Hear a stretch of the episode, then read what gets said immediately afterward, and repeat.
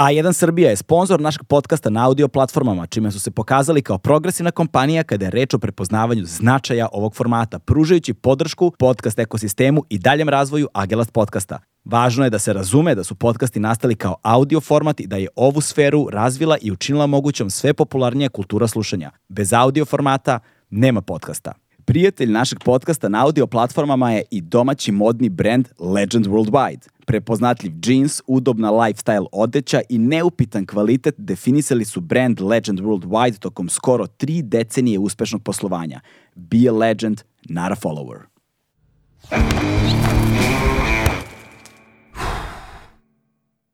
Hmm.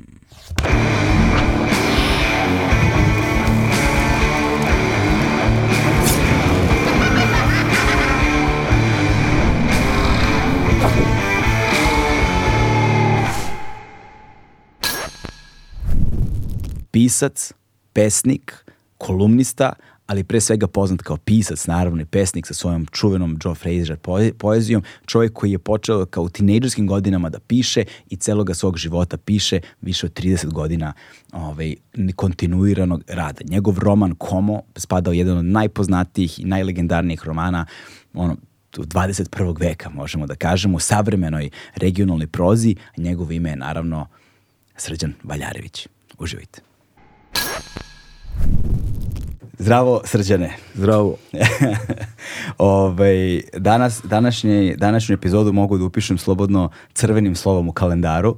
Ovaj, ne zbog datuma kada snimamo, nego, nego zbog toga kada, sam, kada smo počinjali ceo ovaj format, uh, kada sam pravio spisak prvi, prvo, probitni spisak, ono, pre prve epizode gostiju, ovaj, ti si bio na tom spisku. Znaš, to je bilo, evo sada će četiri godine.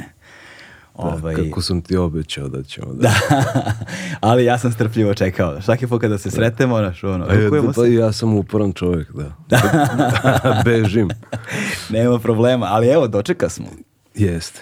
Znaš, dočeka smo i mislim da će negdje u ovom razgovoru razmišljajući o njemu, vidjet ćemo da li će biti, a, jedan od motiva koji će provejavati stalno će biti, će biti ti vremenski skokovi, a, a, ponavljanja, a, istorija i način na koji vreme zapravo utiče na transformaciju ili na oživljavanje nečega što je nekada bilo. Ovaj, ali u vezi sa time, pre svega, uh, ti si napravio jednu veliku pauzu te prosto si fizički ono, nestao iz potpuno medijskog ekosistema. Što ja mogu u potpunosti da razumem. Ovaj, ali si u jednom trenutku pre, pa šta znam, kada sam neki prvi tvoj javni nastup video, pa možda 3-4 godine. Tako, da, da. Šta je to bilo? U Zagrebu, ona konferencija ili tako, šta je bilo? A, e, a, e, tako je. Zapravo je, zapravo je bio intervju za, za jedan hrvatski, za hrvatske novine a, ali je bio povod tako u Zagrebu da sam imao neku promociju. Mislim da je Komo tada prvi put objavljen u... Ne. Ne, nego šta je bilo? Ništa, dao sam intervju za, za, za, neke novine i onda su me odmah zvali da dođem i ja sam rekao važi, nema problema. Mm. U zapravo u Rijeci. A u Rijeci, da. da, da ništa da, da. nisam objavio i tako dalje, samo sam ovaj, ma išlo mi se na more. Da. tako da, ali dobro, posle toga je bilo ovo, eh, Frici Dobrila i tako. Dobro, ste je došlo malo kasnije. Kad su da. Frici Dobrile izašli? Godinu i nešto, ne? 21. 21. Čoveče, tri godine. 21. Ne, dve godine. Koja godina sada? 2023. je sad. Ne, Kraj. sad je 2039. Mm, da, da. Da. da. Uh, 2021. a sad je izašlo drugi deo, ono brod koji je zaplovio kroz maglu. Mm. A o. uskoro će i treći. Treći deo isto? Da kada, jel znaš? Ne zna se, ništa. Da, znam se, ti, ti i ti i datum i... Da, da ovaj... ja mogu ti odgovaram isto uskoro.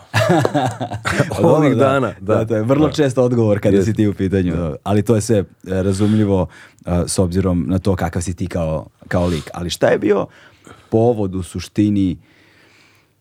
Ti si ubrzo nakon koma mm. recimo se povukao iz javnosti potpuno, ali tako, 2006. Mm. mm i ka, ako kažemo da je taj intervju za hrvatske novine bio 2020. 2021. 19. 19. Mm.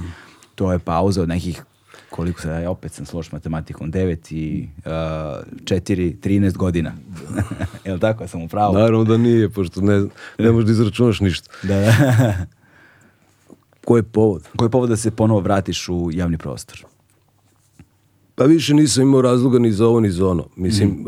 ja ne mogu ništa drugo da radim osim da da pišem i da objavljujem. A to a onda, onda, onda, ti, onda mi je postalo sve jedno. Mislim, mogu sam i tako da objavljujem, ali, ali ipak ovaj, negde mi je bilo i prihvatljivo, ajde sad kao da, da se uključim u taj život koji, koji se zove ono, javnost. Mm ali se javnost umeđu vremenu značajno promenila. To je yes. nekako a, principi a, javnosti su se promenili yes. značajno, a, tehnologije su se promenile, način na koji, jer sećam se, ja sam to vreme isto radio na medijima. Ja od 2001. negde, kažemo, od velike kraj 2000. početak 2001. kad sam ja počeo da radim, to smo još uvek mogli tada nazivamo i 2006. smo mogli da nazivamo takozvanim tradicionalnim medijima, kada je print živeo kada je televizija bila dominantni mediji, kada je radio na neki način, iako već su počele formatizacije i one da. frekvencije da se ukidaju i tako dalje, ali i dalje postojao i ovaj bio značajan na nekom nivou. Sada stvari stoje sasvim drugačije.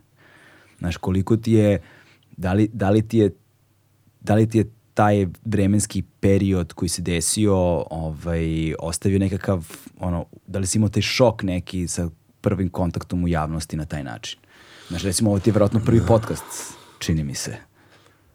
Jeste, prvi podcast, nedavno sam prvi put bio na televiziji. E, jeste, jesi bio na novo, je li tako nešto? Nešto, jutarnji program. Da, da, da, da. Da, da.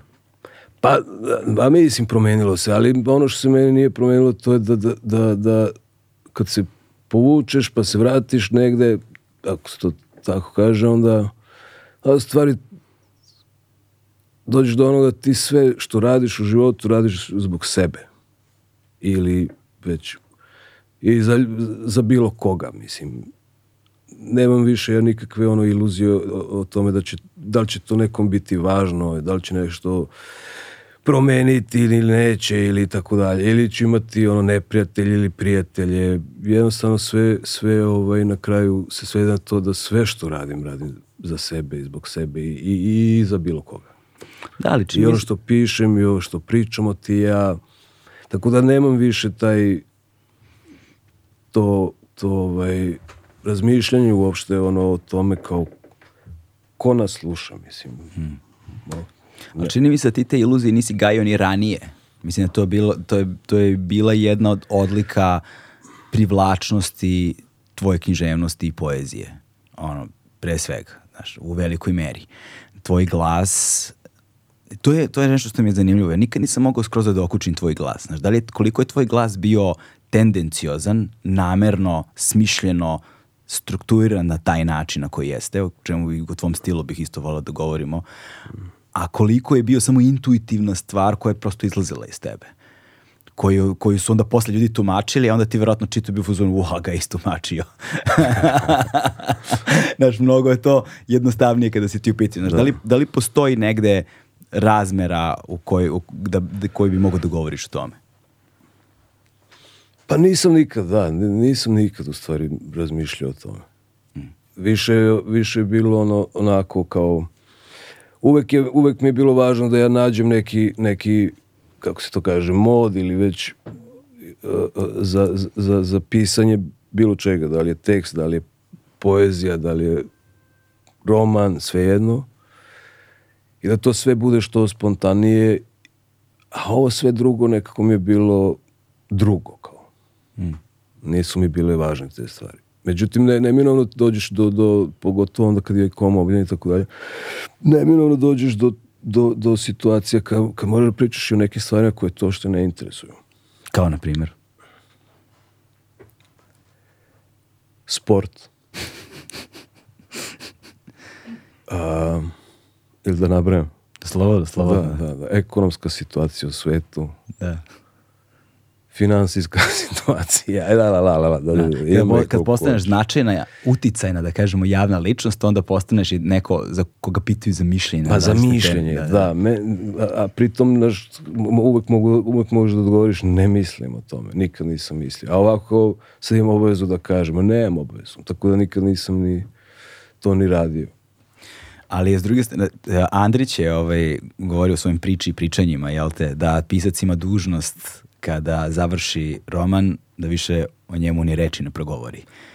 Ja to se potpuno slažem. Mislim da to čak i ono to, to, to je neki neukus u stvari totalni, ono objašnjavati ono što radiš. Mm. Uh, I uopšte objašnjavati samog sebe. Mislim, da me, to, to mi je već onako, a neukus je čak i blaga reč, možda je i, i nešto gore to, ali neka bude tako. To, to objašnjavanje, prvo što onda sam sebe uvučeš u neke proizvoljnosti potpune, mislim. Nemaš pojma ko si u većini, većini toga što pričaš o sebi, mislim. I u, najčešće, vjerovatno, nije ni tačno to što govoriš.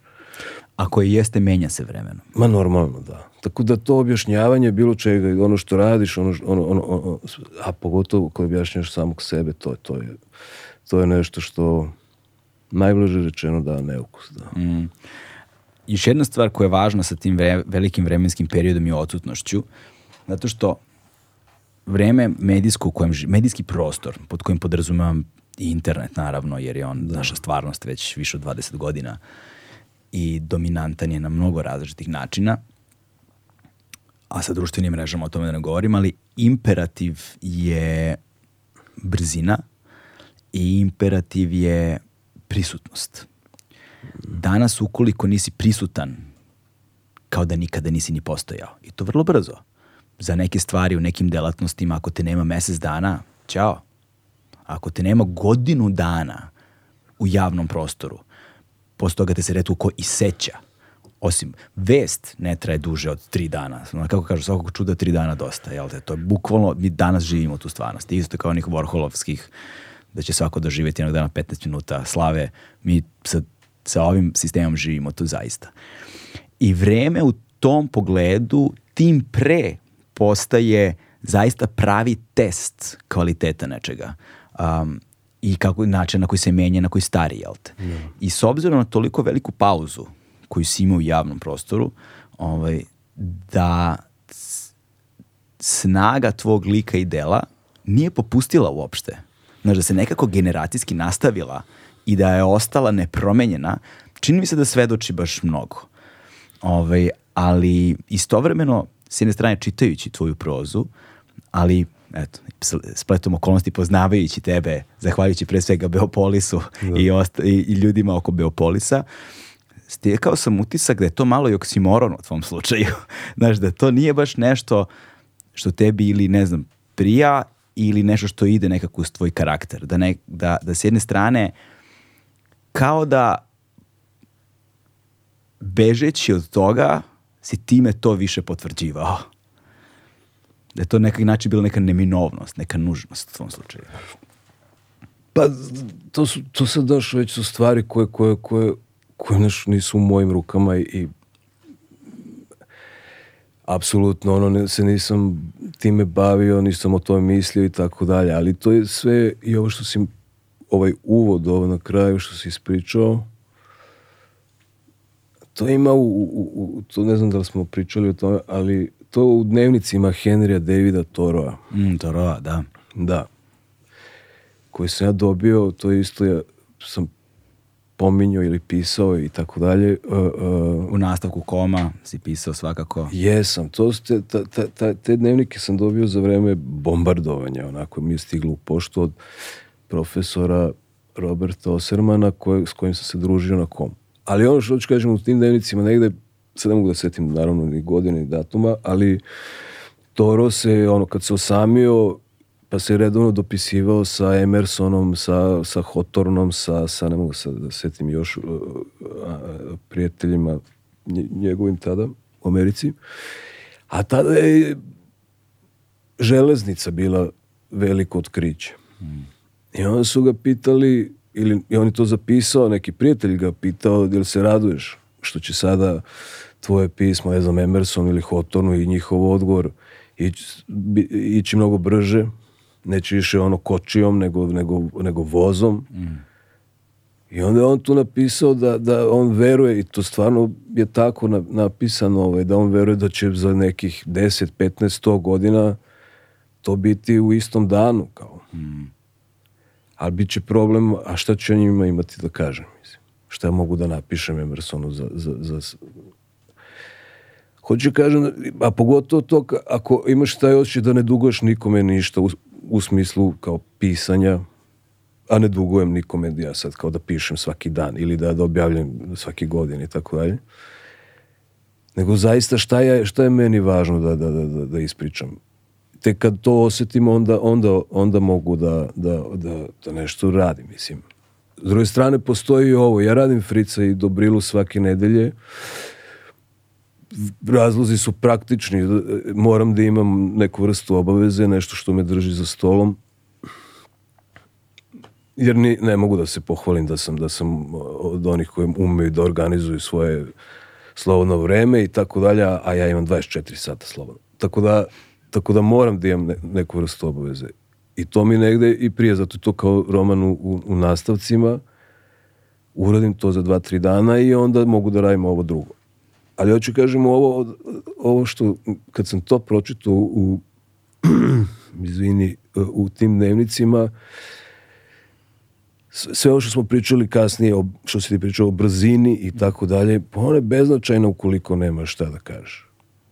je tako? tako? tako. Mislim, možemo da razmenjujemo ono poruke gde si sad, ti kažeš tu sam, ja kažem dobro, ajde zdravo. Mislim, uh, isto je sa, sa, sa, sa, sa, sa onim, sa pisanjem, sa umetnošću uopšte.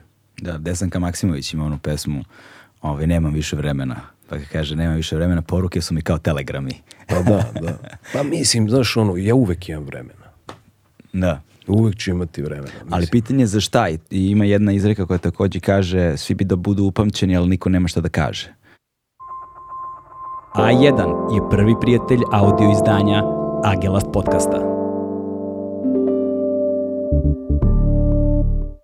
to je, da, treba da. da imaš šta da kažeš svakako, ali naravno ukoliko ti je pisanje vokacija i primarna delatnost od da. koje živiš, ovaj, sad van ovaj, prode knjiga jer pri, spletom okolnosti znam kako e, a, književna industrija, izdavaštvo tačnije funkcioniše ovde i koliko se od toga zarađuje, to jest ne zarađuje.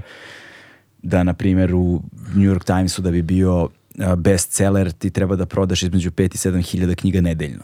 Za Sjedinje američke države 320 miliona stanovnika, to je prilično ovaj, uh, poražavajući podatak ako govorimo o tržišnim parametrima. Da.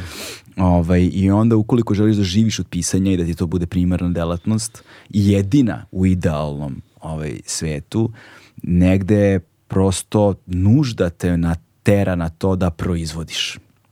Dobre. A onda ta proizvodnja, pitanje je sada, sa naravno znači čovjeka da čovjeka može da ide na uštrb kvaliteta ili na, na uštrb upravo ovoga što si ti pomenuo. Yeah. Da. Nemam šta da kažem.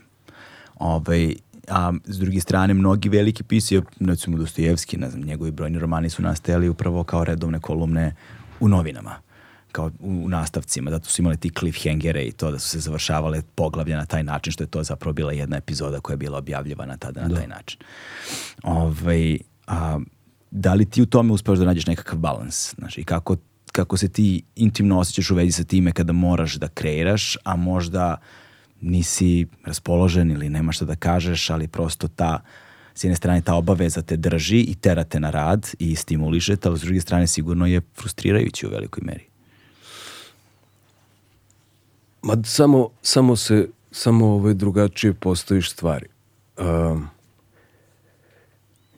i tu puno, naravno da puno pomažu iskustva nekih drugih umetnika. I, i meni je užasno pomogla ja sad parafraziram, ne mogu da, da, da setim rečenica, ja nemam šta da kažem i to kažem i to je poezija. To je, to je John Cage rekao. Da, da. I, to, i to, to mi je pomoglo u neku trenutku strašno. Koliko je beše onih minuta čutanja? 7 i... Ne, da. ili tri nešto, ne, 3 koliko je? Da, da, nešto, 2, dva četiri, šest. Dva 4, da. četiri, tri četiri, to. Da. S druge strane, mislim, ta, to, to je sve, to je zapravo sve ono što, što, što na, zovemo uticajem je u stvari ono što, što to slobodi svih ovih stvari kao nekih, nekih pritisaka, obaveza i tako dalje. A s druge strane, iluzija je stvarno da, da jedna stvar je to kao naravno to izdavače interesuje, tiraž i tako dalje. Mene ne interesuje. A s druge strane je isto, aj kad sam već Johna Cage-a pomenuo, to je, ja ne mogu da setim godine kada su oni i Marcel Dišan, znači dvojica mm -hmm. možda, možda i najvećih umetnika 20. veka igrali, on, ako, ako znaš to, ono, ono, njihovu šahovsku partiju čuvenu koju su ono, ozvučili, tako da, znaš, kad, kad neko od njih dvojice pomeri figuru, to ono bruji, ono, kao rat zvuči, kad, kad, kad lupi figurom o, o tablu, kao eksplozija i tako, je. to je jedan predivan rad koji, koji, koji je bio najavljen kao nešto fantastično, on i jeste bio fantastičan, ali to tad u Njujorku, u Njujorku nikog nije interesovalo. Bilo je užasno velikog otpora prema, prema tome. E, puno su ih napadali kao glupost, besmislica. Hoću da kažem, sve to kad saznaš ili recimo, znaš, ti dan danas imaš i kod nas, mislim, imaš u Njurku, pa čak i kod nas, jebote. E, ne prijatelje, ono, Samuela Beketa. Mm. To postoji. 90-ih je čak su neki na, naši poznati glumci se izjašnjavali kao veliki neprijatelji Samuela, Samuela Becketa. 90-ih. Znači, mislim, zašto je ovo pričano? Zato što ovaj, apsolutno ne možeš da imaš na, na te stvari uticaja, a stvari na koje ne možeš da imaš uticaj, koje te ne interesuju, one ne mogu da imaju na tebe. Pričamo ovo da. o tržište, da. brojevi, uopšte me ne interesuje. Ali i samo stvaranje između pa ostalog. Pa tako je, da. To je jedina važna stvar u ovome, ma i ovome, mislim, što ti radiš i što mm. bilo kod nas radi. To je jedina važna stvar. Mm.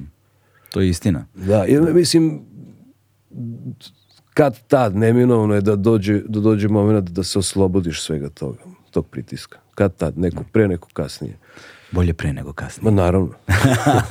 A ima i onih srećnika koji su se rođe, rodili rasterećeni.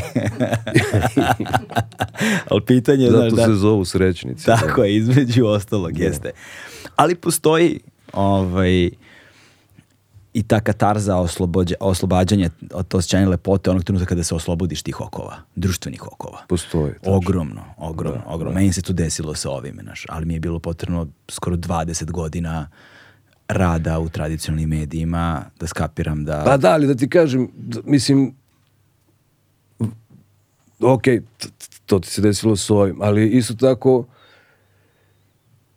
kad uđeš u neke dogovore drugi ili počneš da razgovaraš s nekim i onda, ili počneš neku saradnju s nekim drugim, mm. pa ti taj, taj drugi pa te podsjeti, znaš, ali mi sad ulazimo u poslovni rizik veliki i tako dalje, i onda ti, onda ja mogu da kažem, ne mogu, nego onda kažem, znaš, ja sam ušao u to što ti zoveš poslovni rizik sa 20 godina.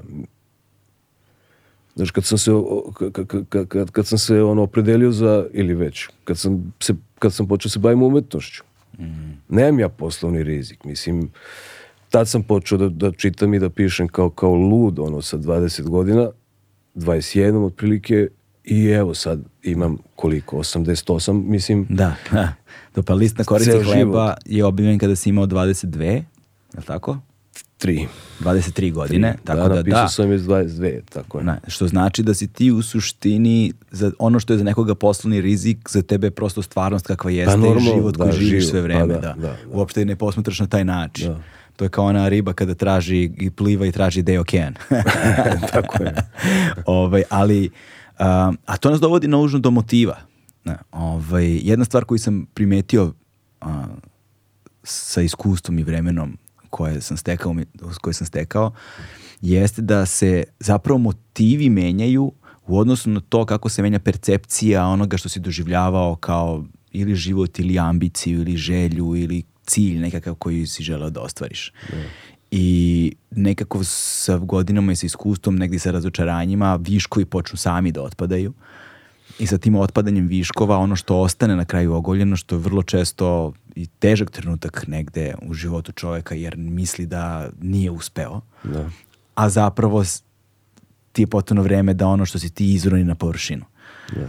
Ovaj, I tada kada se promeni to, onda se menjuju motivi zbog kojih radiš tu istu stvar a siguran sam da tvoji motivi možda sad ne nužno, ali hoću da kažem da način na koji si razmišljao, kreirao, objavljivao i primao ovaj, svoje dela kad si imao 23 i način na koji to radiš sada sa 88, znaš, verovatno je u tom vremenskom periodu se promenio na neki način. Uf, pa dobro, da, da, puno puno. Mislim, i ovo sve drugo što si rekao je, je drugačije i tako dalje. Ja sam, ja sam tada uh, u knjižari u, Jugoslovenskom dramskom pozorištu ba, kod Bati ili kako se zvala knjižara mm -hmm. kad sam završio knjigu ja sam onda ušao tu knjižaru i dobro pošto, pošto bila u to vreme najbolja knjižara u, u, u gradu i onda sam prepisivao adrese izdavačkih kuća koje, ali iz knjiga koje su mi se sviđale. mm -hmm. I onda sam slao tako rukopis. Međutim, bilo je i ono, e, pošto su bili i, i tu su se kupovali, to sad više ne postoji, postoji, ali sad su to uglavnom sve portali, književni časopisi koji su bili odlični, ne znam, Kvorum iz Zagreba ili uh, Polja iz Novog Sada i književna reč ovde odličan i tako. Tako da je, tako sam objavio prvu knjigu, tako što da. sam poslao između oslog i književna reč imala tu neku ediciju, ediciju i, i tako Pegas. I, Pegas, bravo. I, i, i, I tako sam objavio prvu knjigu. Sad je to sve naravno drugačije. Ali ovo kad pričaš o motivu, isto je. I zapravo negde, negde, negde stalno osjećam potrebu i to stalno nešto kao ono zvono koje su upali pa se vratiš ono da se vratim na onaj prvi motiv. Mm. Ne ovaj sada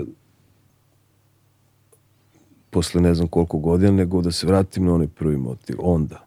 Jel ti potrebno nekad da povučeš ručnu i da uložiš trud da bi se vratio to? Nije, motiv? samo je potrebno da, da, da se čovek ono ne pogubi u, u, u toj nekom... To... A šta ti pomaže da se ne pogubiš? Ili imaš neke referentne ono, tačke koje su ti kao nekakvi orijentiri ili sidrišta u odnosu na koje meriš da li si zalutao ili nisi? Ja, na primjer, ja, imam... Mislim, znaš, ono... Uh, uh, uh, ono, kad se, kad se u stvari ja osjećam loše, to je kada prepoznam kod sebe sve ono što ne volim. Kad, kad, ukoliko ostim trunu ono nekog prenemaganja, ja se u stvari tad osjećam loše. Ako ostim ono bilo koju foliranje, bilo koje bilo šta što sam uradio iz neke, ajde da kažem, izveštačenosti. Bil, tad se osjećam loše. i onda naravno da ono razmišljaš, mislim, što to radiš, majmune jebote. Da. Da. I onda, jer, ali neminovno je, mislim, grešiš tokom dana ili već. I onda, i onda tokom su... života. Ajde, da ostanemo pri danu, ono, manje je grešaka. Da, da, da, da. da. Ovaj, tako da se tad pale, pali to svetlo, zvono, kao god hoćeš. I to te vraća, to, ili mene, to me vraća na ono, na ono zašto sam sve ovo počeo. A to je određena vrsta rezilijentnosti isto, znaš, i, i otpora i ta snaga tog unutrašnjeg glasa, nazovimo ga tako, ovaj, čini mi se, ne mogu da tvrdim, mogu da govorim samo o sebi, ali na osnovu životnih iskustva, čini mi se da nije kod svih ljudi izražen na taj način. Čini mi se da je mali broj ljudi koji zapravo, kojima zapravo nije potrebna nekakav spoljašnji efekat utica ili nešto koji bi proizveo tu vrstu osjećanja trigerovano, na primjer, takvim vrstom unutrašnjeg glasa. Da li će to da nekome prouzrukuje otpor, rezignaciju, da li će to da bude križa savesti, da li će to da bude, nije važno šta, što ćete zapravo, znaš, ja, ja na primjer nekim situacijama imam unutrašnje osjećanje gađenja. Da. Ono, ne mogu, pogledam sebe, odvratno mi je, I vrlo često tada imam potrebu da smo do riban gajbu, celo, znaš, kao, da da, da, da, da nekako, neku higijenu da odradim i da ono, isključim sve i kao krenem određenim putem ali u tom u mom slučaju to nekako kumulativno dejstvo, znaš, i to se desi kad sam ja već neko vreme bio na nekom, ono, aj nazovimo ga u nedostatku boljeg iza za pogrešnom putu. Mm. Nemam taj automatski, imam ga, ali ga nemam na taj način, da mi ne treba ništa, da se jednostavno samo uključi i vratim se odmah unazad. Znaš, da ne provedem dug put u tom pogrešnom, da nazovemo ga pogrešnom stanju, šta god pogrešno značilo u tom slučaju. Da, pa mislim nismo svi isti, naravno, da. da. da. Ali, ali isto pro, pro, prove, neminovno je da, da, da, da, se, da se to dogodi u životu, da, da u, ono, skreneš, mislim, ideš pogrešnim putem pa se vratiš i tako dalje. Ali to je sve od početka. Ja sad naravno pri, mogu da govorim iz svog iskustva ka, kad je sve to krenulo, A to je, vrlo rano sam se zaposlio. Mislim, i išao na zanat i zavr... ja sam po struci, inače mašin bravar. Da, znamo još neke mašin bravare poznate. Da to, da, da. Znam. Ali, da, pitanje je da li je bio. Da. ja samo U... kažem šta legenda kaže. Da. svašta je bilo, svašta je pitanje na, od najosnovnijih stvari. Ali uglavnom to čovjek. su situacije gde ti radiš nešto što nisu to strašni poslovi. Koliko si godine imao?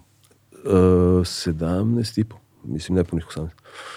Na Zvezdari si tako radio, u Mite pa da, Ružića. Da, u Mite Ružića, u Ferosu je ono na kraju, ali nisam završio zanat tu, nego u pet, šest ulica ispod dole, Bana Mladena, ko, ko, ko dvojice majstora, tu sam, to je bilo u to vreme, treba da odradiš šest meseci, mm. odeš sa gazdom u onaj neki biro, ne znam šta, onda onda postaneš, sa, još završiš večernju školu i postaneš KV. Što, je, što sam ja, KV. KV, šta znači da, KV? Kvalifikovan. Kva... da. Jer ako da nisam recimo o, o, položio te neki ispit u večernjoj školi bio bi NKV. Mm, nekvalifikovan. Nekvalifikovan. A da sam završio još treći, četvrti bio bi VKV. Wow, visoko kvalifikovan. Da, da, da. da. Kasnije su to bile uh, s, s, s, ne, kas, onda je došao rat, jebi ga, da, pa da. pa nije bilo ničeg, razumeš? Svi koji su bili i KV i VKV su ono, ot, ono otišli na drugo nešto. Ali, aj sad ti mene vrati, da, da. smo da. mi... Uglavnom, kad radiš, kad kako se počelo zapravo, govorili smo o tom rezilijentu, da, tom da, glasu znaš, unutrašnjim. To, da. to je ovaj, to pod jedan nisu to teški poslovi, pogotovo za, za ljude koji, koji, koji imaju smisla. Ja ne mogu da se pohvalim time da sam uživao u tome. Mislim, ja čak sad mislim da ne bi znao da upali mašinu, a, a provodio sam onu svaki dan 8 sati. I kasnije u tom Ferosu i tako dalje.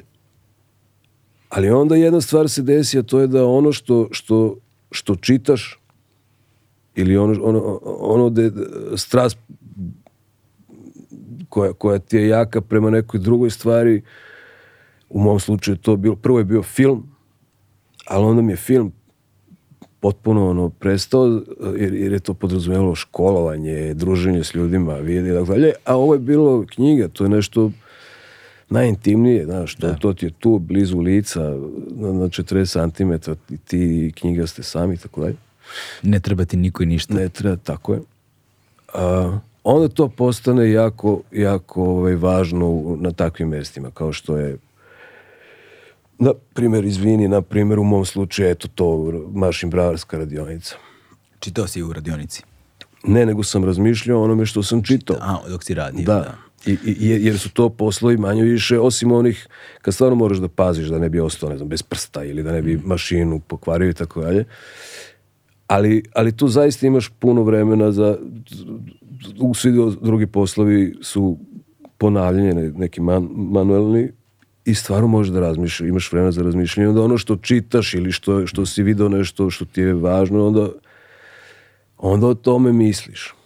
Da, da. I mnogo jače utiče na, na, na, na, na u tom, bar ja pričam naravno sad o sebi, da mene to tako to uticalo jako ovaj, između oslog i iz da se, da, se, to, da, da se sklonim od tog posla. Nisam ga mrzeo, ali nisam ga ni voleo ništa, a ovo je bila neka velika strast. Tako da je ovaj tu je sve počelo. Mm. Vidiš, ja se sećam, izviniš, pek, ja, ne, ne, ne, samo ja da se sećam jedne knjige koja koja mi je onako možda u tom trenutku bila i najvažnije koje nikad ono ne, ne kad ono njoj ne mislim kad, kad ovako o, ovome kao nešto razgovaram s nekim a to je, to je Ničeva knjiga Schopenhauer kao vaspitač mm. i znam da sam da sam ono pro, dane i dane kao u, u, u, znaš iznosiš ono kantu sa opiljcima, čistiš mašinu i razmišljaš o knjizi Schopenhauer kao vaspitač. I sad to deluje, znaš, pomalo i nebulozno, a u stvari ništa ti drugo nije važno kao to. Ali vidiš, to je sada fascinantno što si rekao. Zapravo, tako lepo objašnjava tebe. Govorim o tvom književnom glasu i barem tvom književnom glasu u samom startu. Jer začeci tvog stila i tvog književnog glasa se već vide naravno u prvom, jel te, tvom romanu, koji su doneli upravo taj kontrastni odnos, znači taj fragmentarni jedan, uslovno rečeno, bukoliki ovaj svet koji nosi sa sobom sve te opozicije, znači, nosi sa sobom i dripce i ološe i radničku klasu i zanatske poslove i sve nešto što se smatra nekim ono klasno, radničko, nižem, znači kao registrom u tom nekom društvenom raslojavanju. Ali u tim slikama tog društvenog raslojavanja postoji jedan snažni pečat koji privlači univerzum, koji transgresira kroz sve te slojeve, koji govori o jednom univerzalnom ljudskom i koji ostaje negde primetan u svim tim pot, svojim tvojim potonjim, pa čak i je ovaj Frici Dobrila o kojem se govori, odnosno Gojko i Dobrila, jel te mi govorimo, ne. Da. ti si nužno radio nešto što je dnevna stvar, kao dnevna stvar ona nije mogla da pobegne od političkog i društvenog konteksta tog vremena, ali je živela u nekom svom simulakrumu koji je gde se taj politički i društveni kontekst, osim u pojedinačnim stvarima, oslikavao na drugom ili trećem planu. Da na prvom planu je njihov svakodnevni, obični, ono, na um, uh, život u koji nije vredan nekakve dramatizacije, dramske tematike i bilo čega, ali u toj jednoj svakodnevnoj obavezi, svakodnevnom životu, obično, svakodnevnoj običnosti, ovaj se zapravo krije celokupan život. Znaš. I onda ti kada posmatraš da te s jedne strane imaš nešto što je kao dva ekstrema, dva pola, ono, da. ono fizički posao na ono strugovima, Mašin Bravar sa, na Zvezdari u to vreme, to su 80. jel tako, mm. sa ra, ra, likovima koji su dolaze iz ono skoca i konopca što bi rekli, a s druge strane nešto što, što je metafizika čista. Mm. Znaš, nešto što, je, nešto što je čista metafizika i što može zajedno da postoji u jednom dečaku koji si ti praktično bio tada. Ja danas ne mogu da navedem niti u svoje vreme kad sam ja imao 16-17 godina, ne mogu da navedem uh, na prste jedne šake ljude koji su čitali Ničeja. Posebno koji su ga čitali bez nadzora takozvanog ili usmeravanja profesorskog, nastavničkog, stručnog, sekundarne literature i tako dalje. I onda je zanimljivo kad posmetraš taj spoj zapravo ta dva. Znaš, kao kako su se rodila u tom trenutku i kako si ti iz jednog takvog okruženja u kojem je verovatnoća da se dohvatiš takve literature zaista mala, da. zapravo došao do takve knjige. Da, to, to kako dođeš do knjiga, to je... Ili ona dođe do tebe. Da, da, ali te jedna knjiga vuče ka drugoj. Mislim, ti pročitaš knjigu neku koja ti je, koja ti bude ono važna, dobra i tako dalje. I on te naravno ono zanima, sad je, sad je to lako preko interneta, ali moglo je onda. Naravno, zanima te autor i šta je on čito. Mm. I to je, to je isto mogli. Sad ako ti pročitaš da je, da je, da je, da je Knut Hamsun čitao Niča, onda i ti odeš pa kupiš Niča. Znači, ili, znači Knut ili... Hamsun je bio pre toga? Pa ja mislim, ja mislim. Jer, jer sve, pl... mogu, da, mogu bi svakog autora do, iz tog vremena da, da. ti povežem sa prethodnim kome je doveo do... Meni je sa 16 godina glad Knuta Hamsuna bila pa da, prekretnica. Da, pa da prekretnica. Pa Zaista vrlo važna raskrsnica u životu. Pa da, pa mislim. Jedna od tri knjige koje su mi ono mnogo značile. A, ovaj, a kako si ti došao do tih sad, znaš, kako stigneš do... Meni je Knuta Hamsuna neko dao u vrlo specifičnom životnom trenutku. Da. Uh, Nastavnica u školi, konkretno. Da Znaš šta, ovako je bilo. uh, me, im, imao sam veliki lom kada sam prestao da igram futbal. Mm -hmm.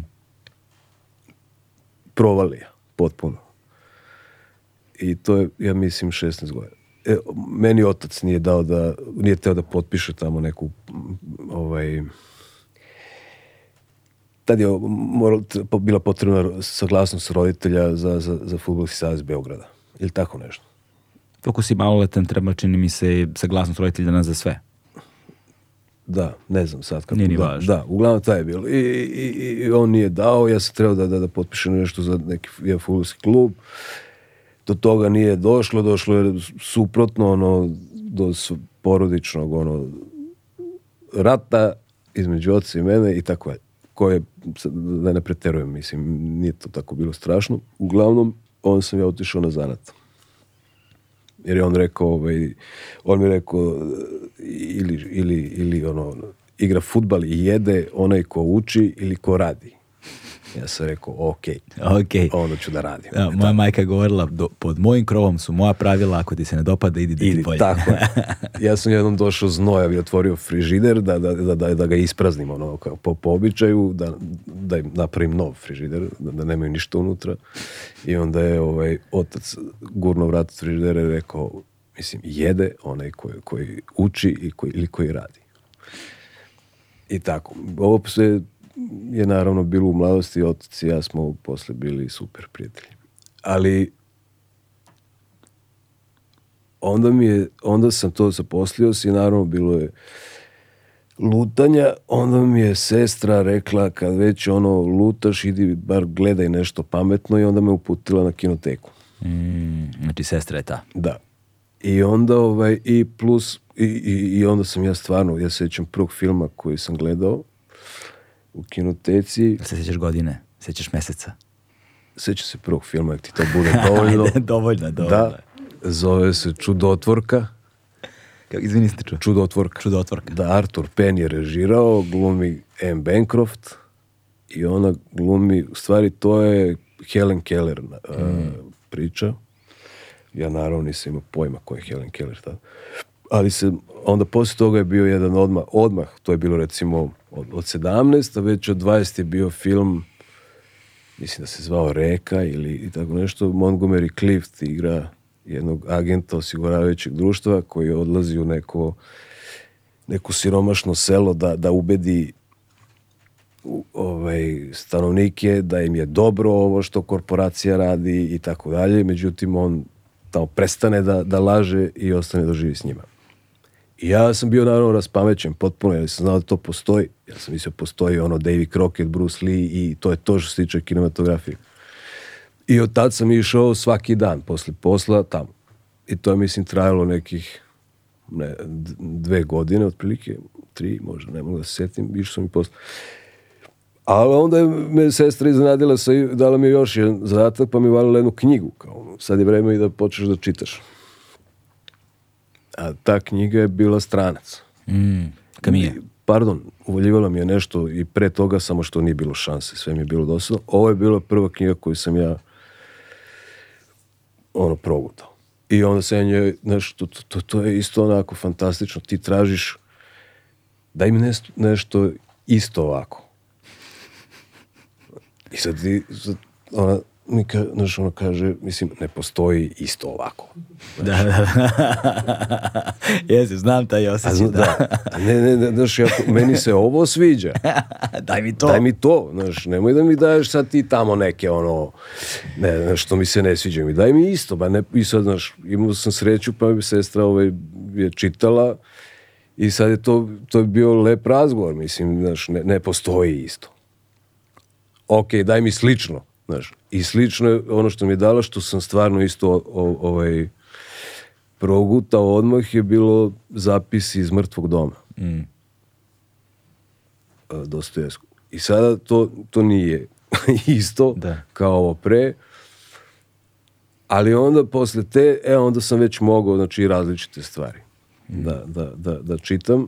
I onda ono što mi je treće bilo ja mislim da ne grešim stvarno po, po nekoj, po sad hronološki, jer sam odgledao skoro sve filmove Bunjuela, onda mi je njegova autobiografija bila nešto što sam, možda i danas ono, mislim da je fantastična knjiga. A, I onda krenulo čitanje. Mhm. I kako, je, kako sam počeo da čitam, ono sve sam manje a, išao u bioskop. Da, zanimljivo, kad si pomenuo stranca, prva asocijacija mi je, tu mi je negdje knjiga Daud ima ovaj, Merso kontra istraga. Da. Ovaj, priča o strancu, ali zapravo iz ugla ubijenog Alžirca, da. odnosno njegovog brata. Da. I gde se zapravo autor i dolazi u kafanu jedno veče i u kafani ovaj, sreći nekog pijanca s kojim počinje da pije i ispostavlja se taj pijanac rođeni brat ubijenog stranca da, da. Ovaj, i onda priča priču o strancu iz suprotnog ugla. I zapravo roman vodi i traje jednu noć u kafani njihov razgovor, što nas vodi na to i treći roman. ovaj, a, vode razgovor i osvetljava nam taj isti legendarni jel te, ovaj, motiv i događaj i roman iz drugog ugla. Ali je zanimljivo isto tako kada pomeneš stranca, što sad kad razmišljam, tvoj stil u velikoj meri ima tu vrstu svedenosti ovaj, sad ne, možda s istim motivom ili ne, ne bih znao, ali to, rečenice kao telegrami, vrlo da. svedene, vrlo jednostavne, ovaj, s time da tu kod njega ima filozofsku, ona vrlo tendenciozna je u ovom konkretnom slučaju. A rekao bi da kod tebe vrlo, postoji jedan veliki deo intuicije, jedan deo instinktivnog, gde je prosto taj glas izlazi iz tebe takav kakav je. Ovaj, I to te, jel te, vremenom si čitao šta oni čitaju, interesova se Pa da, onda uđeš u to, ali sad... sad, sad Znaš, sad dok Hamsona i Ničeja treba stići. Ma bro, to, da, da. to onda krene. Da, da, da. onda te vodi jedna ka drugoj. Ali je... To nije prevedeno kod nas, ali to je možda i najlepša knjiga, sad ću se vratim na futbal, mislim, mm. ali ima veze i s ovim o čemu smo govorili. Uh, a to je autobiografija Johana Krojfa. I to je meni najlepše objašnjenje, u stvari, nije tu, sad, nije sad, ne pričamo se o futbalu, nego najlepše objašnjenje kako, kako neko nešto zavoli, kako dete zavoli, na primjer, futbal, ili ne mora, svejedno. Ali, je, ali svejedno, devojčica, dečak, manje više svako to prođe. Znaš, kad si dete, pa ti ono neko baci loptu, pa ti šutneš loptu, pa ti baci ponovo, pa ti ponovo šutneš tu loptu. Pa sad, znaš, neko te to zavoli. Znaš, ono, traži. I sad ono, da li roditelj, da neko drugi, počne da baca tu loptu i dete počne da voli da šutira tu loptu. Onda, ono, onda malo prođe neko vreme, onda vidi drugo dete koje isto to radi, onda ta, to dvoje zajedno šutiraju loptu. Onda se pojavi treće dete i tako zavoliš igru. I tako počinje ono ljubav prema futbalu, na primjer. Što je on jako lepo objasnio u, u knjizi. Ja sam sad onako najkraće moguće taj mhm. deo prepričao. I tu ti se, kad ti zavoliš u stvari igru, to treće dete, kad se uključi vas troje, četvoro, i kad zavoliš tu igru, ti si onda zavoleo samu stvar, taj, ta koja se zove futbol. Isto je sa, isto je sa, sa, sa, sa ovim što smo pričali o knjigama. Znači, ovo, ja sam tražio isto knjigu od sestre, ona mi je rekla ne postoji ista, ja sam onda pročitao drugu koja mi je isto to uradila kao prva, pa treću i onda sam ja zavolao knjigi. Da. Da. da. I to je ono, to je onda kasnije ono što se u stvari, tad se u stvari provodi ta strast koja, zašto ono voliš, aj sad kažem, umetnost, mislim. Mm. Isto kao zašto se volao evo kažem da ne volim danas, ali zašto se volao futbal toliko kao dete, a zašto, sam, zašto sad volim umetnost.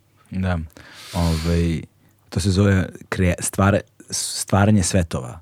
Ljudi da. koji imaju određene sklonosti i ljubavi ka nečemu gravitiraju prosto ka tome nečemu. Nije bitno šta je, lupetam. Voliš automobile. Pa tako, pa šta radiš? Sediš tako.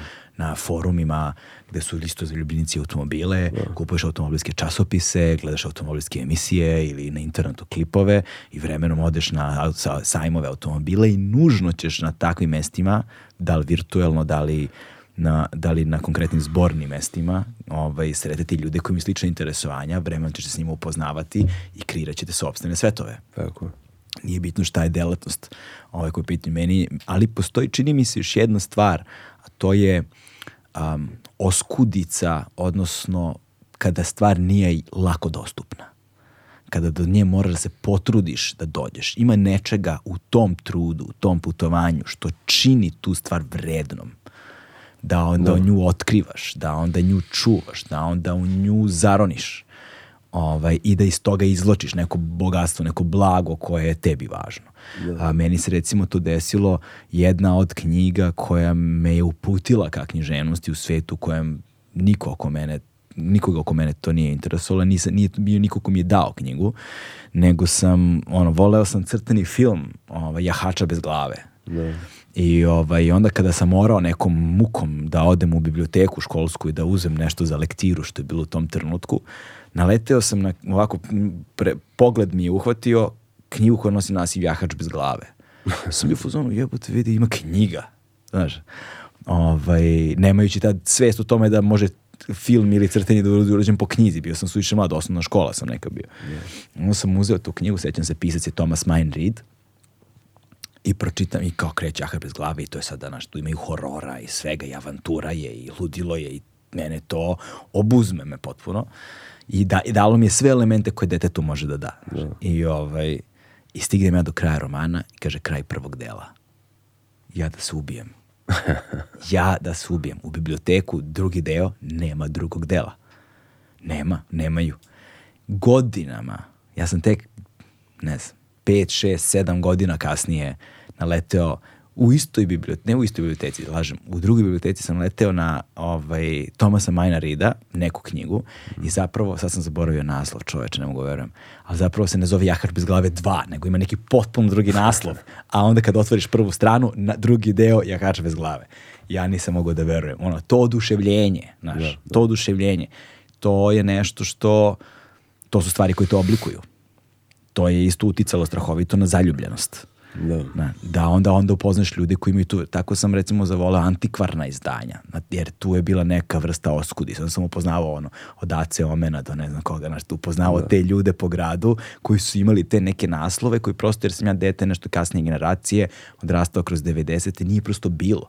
Da. Jedino što si mogao da nađeš su stara izdanja, a stara izdanja su bila ili uništena, oštećena, a, već kupljena po da. domaćinstvu, on si morao zapravo da nalaziš ovaj, u antikvarnim knjižarama. Da.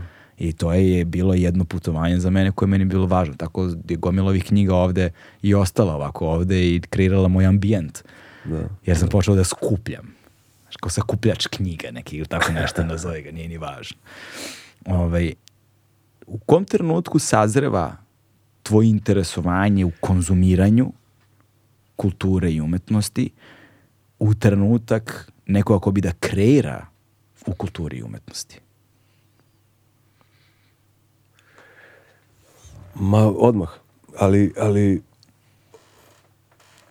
odmah, ali je, ovaj, meni je u tom trenutku puno pomogao uh, Miroslav Mandić, umetnik mi smo se on, e, to neko vreme i upoznali i družili i pomogao u smislu ono neke, kako bih rekao, podrške baš za ovo što me pitaš. Tako da je, ja nikog nisam poznavao iz tog sveta i onda kad sam ovo, ovo prva knjiga list na korici hleba, ali ne o nešto pre, što je ličilo na to, pa sam ja dao njemu da pročita. On je zapravo prvi, prvi čovek iz tog, da kažem, sveta umetnosti kojeg sam ja upoznao. Mm. I, i možda sam imao i sreće u, u tom smislu da sam, a i s druge strane ne, privuklo me nešto onome, ono što je on radio tada u muzeju savremene umetnosti, ali, ali u svakom slučaju, pošto se radi o jednom čovjeku ko, koji je po, apsolutno ono nekonvencionalan i, i, i, u nekom i u svojoj umetnosti 100% i tako dalje. To me verovatno privuklo. Privuku te nečiji životi, mislim. Ne privučete, kao kad si mlad, ne privučete književnik koji, koji ono puši lulu, jebate, nego, nego nešto drugačije, jel tako? Tako sam u njega imao ono apsolutno poverenje I onda to je bilo, on je bio prva osoba koju se ja mogao da dam da pročita nešto sa radio. On je mene naučio i one neke, pokazao mi je i one neke tehničke stvari, znaš, prored. Ja sam mu predao dao ovaj tekst koji je bio ono, to, to su ono red ispod reda, ono ne možeš se da da, čitati. Zavesa tako da, zna, da, kobasica. On mi je sve naučio kao prored, posle zareza pao ono prazno mesto mm. i da ne gnjevim sad. I, i, i, i rekao mi ovo treba da prekucaš bar još jedno dve ruke da uradiš, da pročistiš i tako dalje, ali onako bez nekih sa tu saveta ono da to tako mora, nego prosto savet, kao to, to, to bi bilo lepo da uradiš. Mm. I onda i ja sam to uradio. Pošto negde, negde te radionice ti donesu to neko ovaj, pogotovo ovaj, to prema onome što izabereš da radiš odgovornost prema onome što si izabrao da radiš. Koje radionice? Radionice koje sam radio. Mislim, Aha, no, kao mašin brava. Da, da, da. da. da. Jer to nije bio posao koji, koji sam ja ono, želeo i tako dalje, ali sam ga radio naravno. Ali ti ono, kada nađeš posao koji si ti odabrao da radiš kao ti ovaj, ja pisanje, on ti donese to da prema tome moraš potpuno normalno biti odgovoran. Mm. Tako da sam ga ja naravno i poslušao i taj savet prihvatio i, i, i, i, i u stvari u njemu video ono što, smo, što si malo pre ti nešto govorio, a to je da ne možeš lako dolaziti do stvari. A ne samo lako ono što si pričao, ne možeš lako dolaziti do knjiga što si ti govorio, ali ne možeš lako inače dolaziti do stvari. Ne možeš lako raditi ove emisije. Mm. Onog trenutka ti, izvini sad. Jasno, jasno. Onog trenutka ti počneš da lako radiš svoje emisije, ti ulaziš u neki manir, odrađuješ, postaješ dosadan. I samom sebi pre svega. Pa, pa na, na, to, na tebi da, da. mislim. Da, da. I, i, I isto je i ovo. Ne možeš lako dolaziti do teksta. Ako ti lako dođeš do teksta, ne valja, ne valjaš.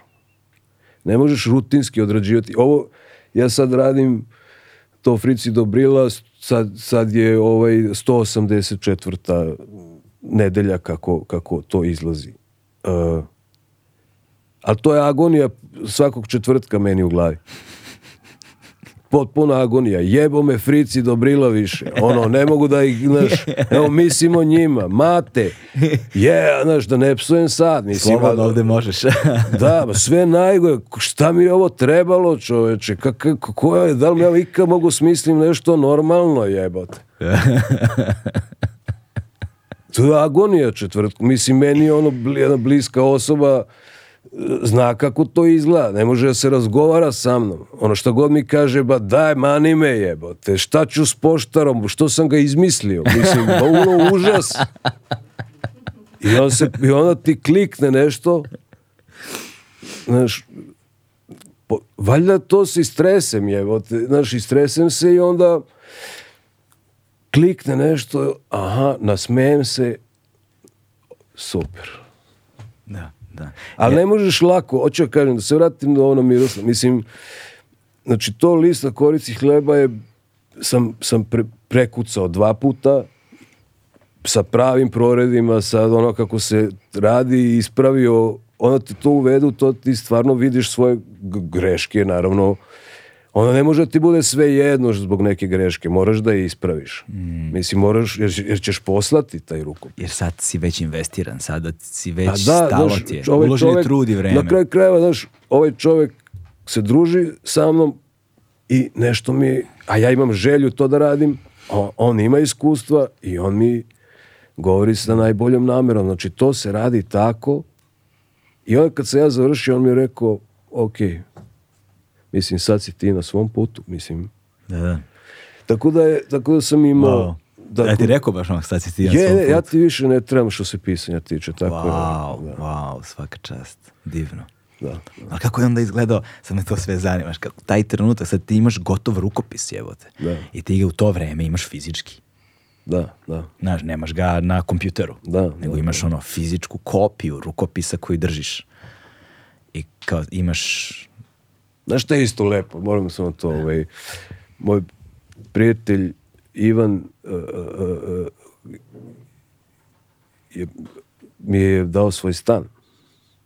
Da, da, da, da, da on je otišao na, na, na, na more ili već, ne mogu setiti. I on mi je dao, evo ti, da, da, da imam...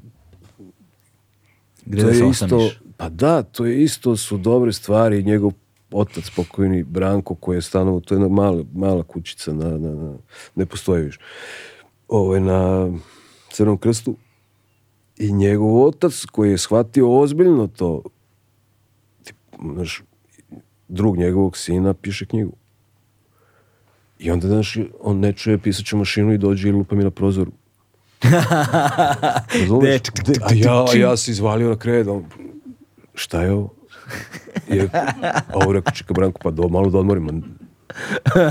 Za sto. Alo, da. Imaš 20 godina, šta da, da odmaraš? šta da odmaraš i si rekao ću da napišu ono, sedi jebote, sedi i radi. Mm. Tako da, da, da, da, zapravo sve ovo kada, kad saberemo poenta priče to ne možeš lako dolaziti do, do, do, do stvari i biti zadovoljan njima. Mm. Ne možeš. Mislim, ulaziš u neki manir, postaješ ono što smo pričali, ono što se ja rekao, postaješ folirant, postaješ ono imitator samog sebe ili, ili reče što si već prodao, pa da. bi prodao ponovo, la la la la la. Ulaziš znači, u tržište, znaš, šta god. Postaneš seronja, što Tako. rekao moj deda. Uh, jedna stvar koja mi se takođe dopala, sad već govorimo o tim, kad smo već pominjali te oprečnosti, te suprotnosti koje su neko, nekako žive u harmonično u tebi mm. i sačinjavaju jedan značajan pečat tvog ovaj, glasa. Svidilo mi se go, kako si govorio da je postao trenutak a, gde si ono sa 20, koliko jednom, dve godine, pušio pljugu iz nekoj kante za džubre. Yes. Da je ono smrdi, ali tebi tu lepo. Yes. I da si tad doneo odluku ovaj, da želiš da zapravo pišeš. Jesam, ali znaš što su ono potrebe da se to su divne ovaj, oaze pored kontejnera. Da. Ne daš kad ukradeš za sebe uh, tih 15 minuta. Pošto sam bio najmlađi u radionici, pa je moje bilo da bacam, to su one velike kante sa, sa opiljcima i uljem, znači niko. A i plus štete i sve ono za doručak što je bilo. Ali ja sam ono stavio šapu kao moj posao. Mm. Niko mi se meša u posao. I onda ja odem i to kao 15 minuta ja izbacujem džubre. Kao. u stvari sedem pored i onda zapalim pljugu i, i, i odmaram. Smiraj. Da. da. da. Što znači da zapravo taj neki prozni, ali boga mi kasnije će se ispostaviti poetski glas, a onda kasnije govorimo zapravo i o jednoj različitim formama koje ti koristiš i kojima vešto barataš i što je vrlo redka osobina posebno savremenog stvaralaštva, posebno savremenog stvaralaštva danas ovde. Ovaj, da je taj prozni poetski glas u tebi zapravo postoje na neki način sve vreme, ali su bili potrebni da to ti neki spletovi okolnosti, nekakvi da. ljudi, nekakvi trenuci koji, možda, koji su te malo gurali, a u nekima si možda ti sam prepoznavao nešto što možda nužno u objektivnoj stvarnosti nije bilo tako, ali si ga ti video na taj da. način. Što je jako divno. Jer ali onda taj trenutak sad izlazi ono list na korici hleba, to je uh, 90. Ja, 90. te? Da, htio sam da kažem 89. ali 90. Ovaj, I nekako je sve tu sad sim, simbolično. Znaš, govorimo o tim binarnim opozicijama, jel te ovde smrdi, a tebi lepo, znaš, ovamo Niče i da. ovaj, Mašin Bravar, ovamo, znaš, svakakve neke opozicije i onda se dešava da tebi roman izlazi na tačno jednoj granici koja čini opoziciju vremena ovaj, u kojem živimo, jel te, gde sve to nastaje u jednoj zemlji, raspada se sistem, dolazi rat, dolazi sve ono što dolazi. Ne, nećemo pričati o tome, o tome si ti puno govorio, a, a ovaj, mislim da nije za ovaj trenutak, ali imaće vrednost naravno kada budemo govorili o komu, jer komu ima svoje vreme i mesto, mm. zbog čega je komo važan. Koji je Izvini, kao nek... koliko ti planiraš da mi razgovaramo? Pa dok se ne umorimo. ovaj, ali stvar je, stvar, je, stvar je u tome da sad ti objavljuješ roman i ono što je bio pupoljak mašte, jel te, sad imaš plod u delu. Da se prevalio taj put, da se nešto što je bila zamisla i želja materializovalo kao fizički primjerak ono izašao iz štampe, u stranice kad ih otvoriš. Yeah. Da. Ovo, ovaj, to je sigurno lep trenutak. Yeah. Znaš. Ovo, ovaj, a ti imaš 23 godine. Ne može da bude, čini mi se, ne znam, idealno mi deluje, kao nekako, ali ka, kako, šta se dešava u tebi u trenutku kada, ovaj, kada taj roman izlazi? kada se prvi put suočavaš, dakle mi govorimo o nekom mladom čoveku koji se formira još uvek, koji ne može da ima stav koji ti imaš sada. Da, Začetak da. tog stava, baš me briga, da. je sigurno postojao tada i to prozi se to vidi tvoj stav je bio taj dripački, ulični, kako god nazovi ga, provejava u tvojoj umetnosti. Sa svim onim drugim što naravno ide uz njega. Ali da li si imao neku unutrašnju borbu ovaj, sa ono, očekivanjima, sa a, željama ili razočaranja sa onima što si mislio da će se desiti, a nije? tako izgleda taj trenutak kad vidiš u knjigu knjižari, znaš, u izlogu ili šta god. Da, da. Pa, znaš šta, sve, meni je sve bilo nepoznato. Od toga, još uvijek sam radio u, u to vreme u Ferosu, u radionici, kad je knjiga izašla. Kako su kolege reagovali? to je bilo predivno. Potpuno suprotno od onoga što sam mislio. Mm. To je, to je ovaj, bio je to je bio moment koji sam zapamtio, zato što je ovaj, gazda Voja je, je, je zabranio, inače znaš, ono, po radionicama nije, nije smjelo da se lepi ono, kalendari sa golim ženama. Mm. I uopšte te, nije, nije bilo nikakvih tih slika i nije, nije smjela da se sluša narodna muzika. Wow. Da vrlo neobičan za radionice tog vremena. Da, pa, da, on je bio pametan tip, mislim i dalje sigurno pametan tip, ovaj, jer radnik se zapeva i ostane bez ruke, mislim, vrlo lako, razumeš, kad čuje ono miljenu pesmu. kad ga pogodi. Da, da, tako da nije bilo. Ali ono što je dao da se sluša, to je, to je bilo jako zanimljivo, to je u to vreme Studio B bio valjda važna ili glavna stanica u Beogradu. Mm Tako da je mogao samo studio B. Na da, Kremer, Sloba Konjović. Tako da. I na studiju B stvarno u to vreme su, su, su radili neki divni glasovi ono, koje čuješ. Tako da je to, i Nada Petronijević i Sloba Konjović i mislim... I onda se tako to i dogodilo zapravo. Sad ja mogu da se setim ko od, od tih ljudi, ali znaš, recimo bio je ponedeljak pa kao ove nedelje je novo u gradu, kao u Beogradu ili po knjižarama, ili tako nešto. I onda je, sveća se bio ženski glasa, ne znam na ko, je prva knjiga Srđana Valjarevića. I ja u radionici. Proliv, jebote. Ono, a ti u radionici u tom trenutku? Ja za mašinom, čoveč. A iza mene ono kolege. Da. A mi smo to vreme radili pritiskivače za kupus, to je ono plasti. Te mašine nisu tako bučne kao kad radiš sa metalom. Totalno sam se oladio. Razumeš? Sad će biti ono, evo ga kao, Pearl Buck jebate.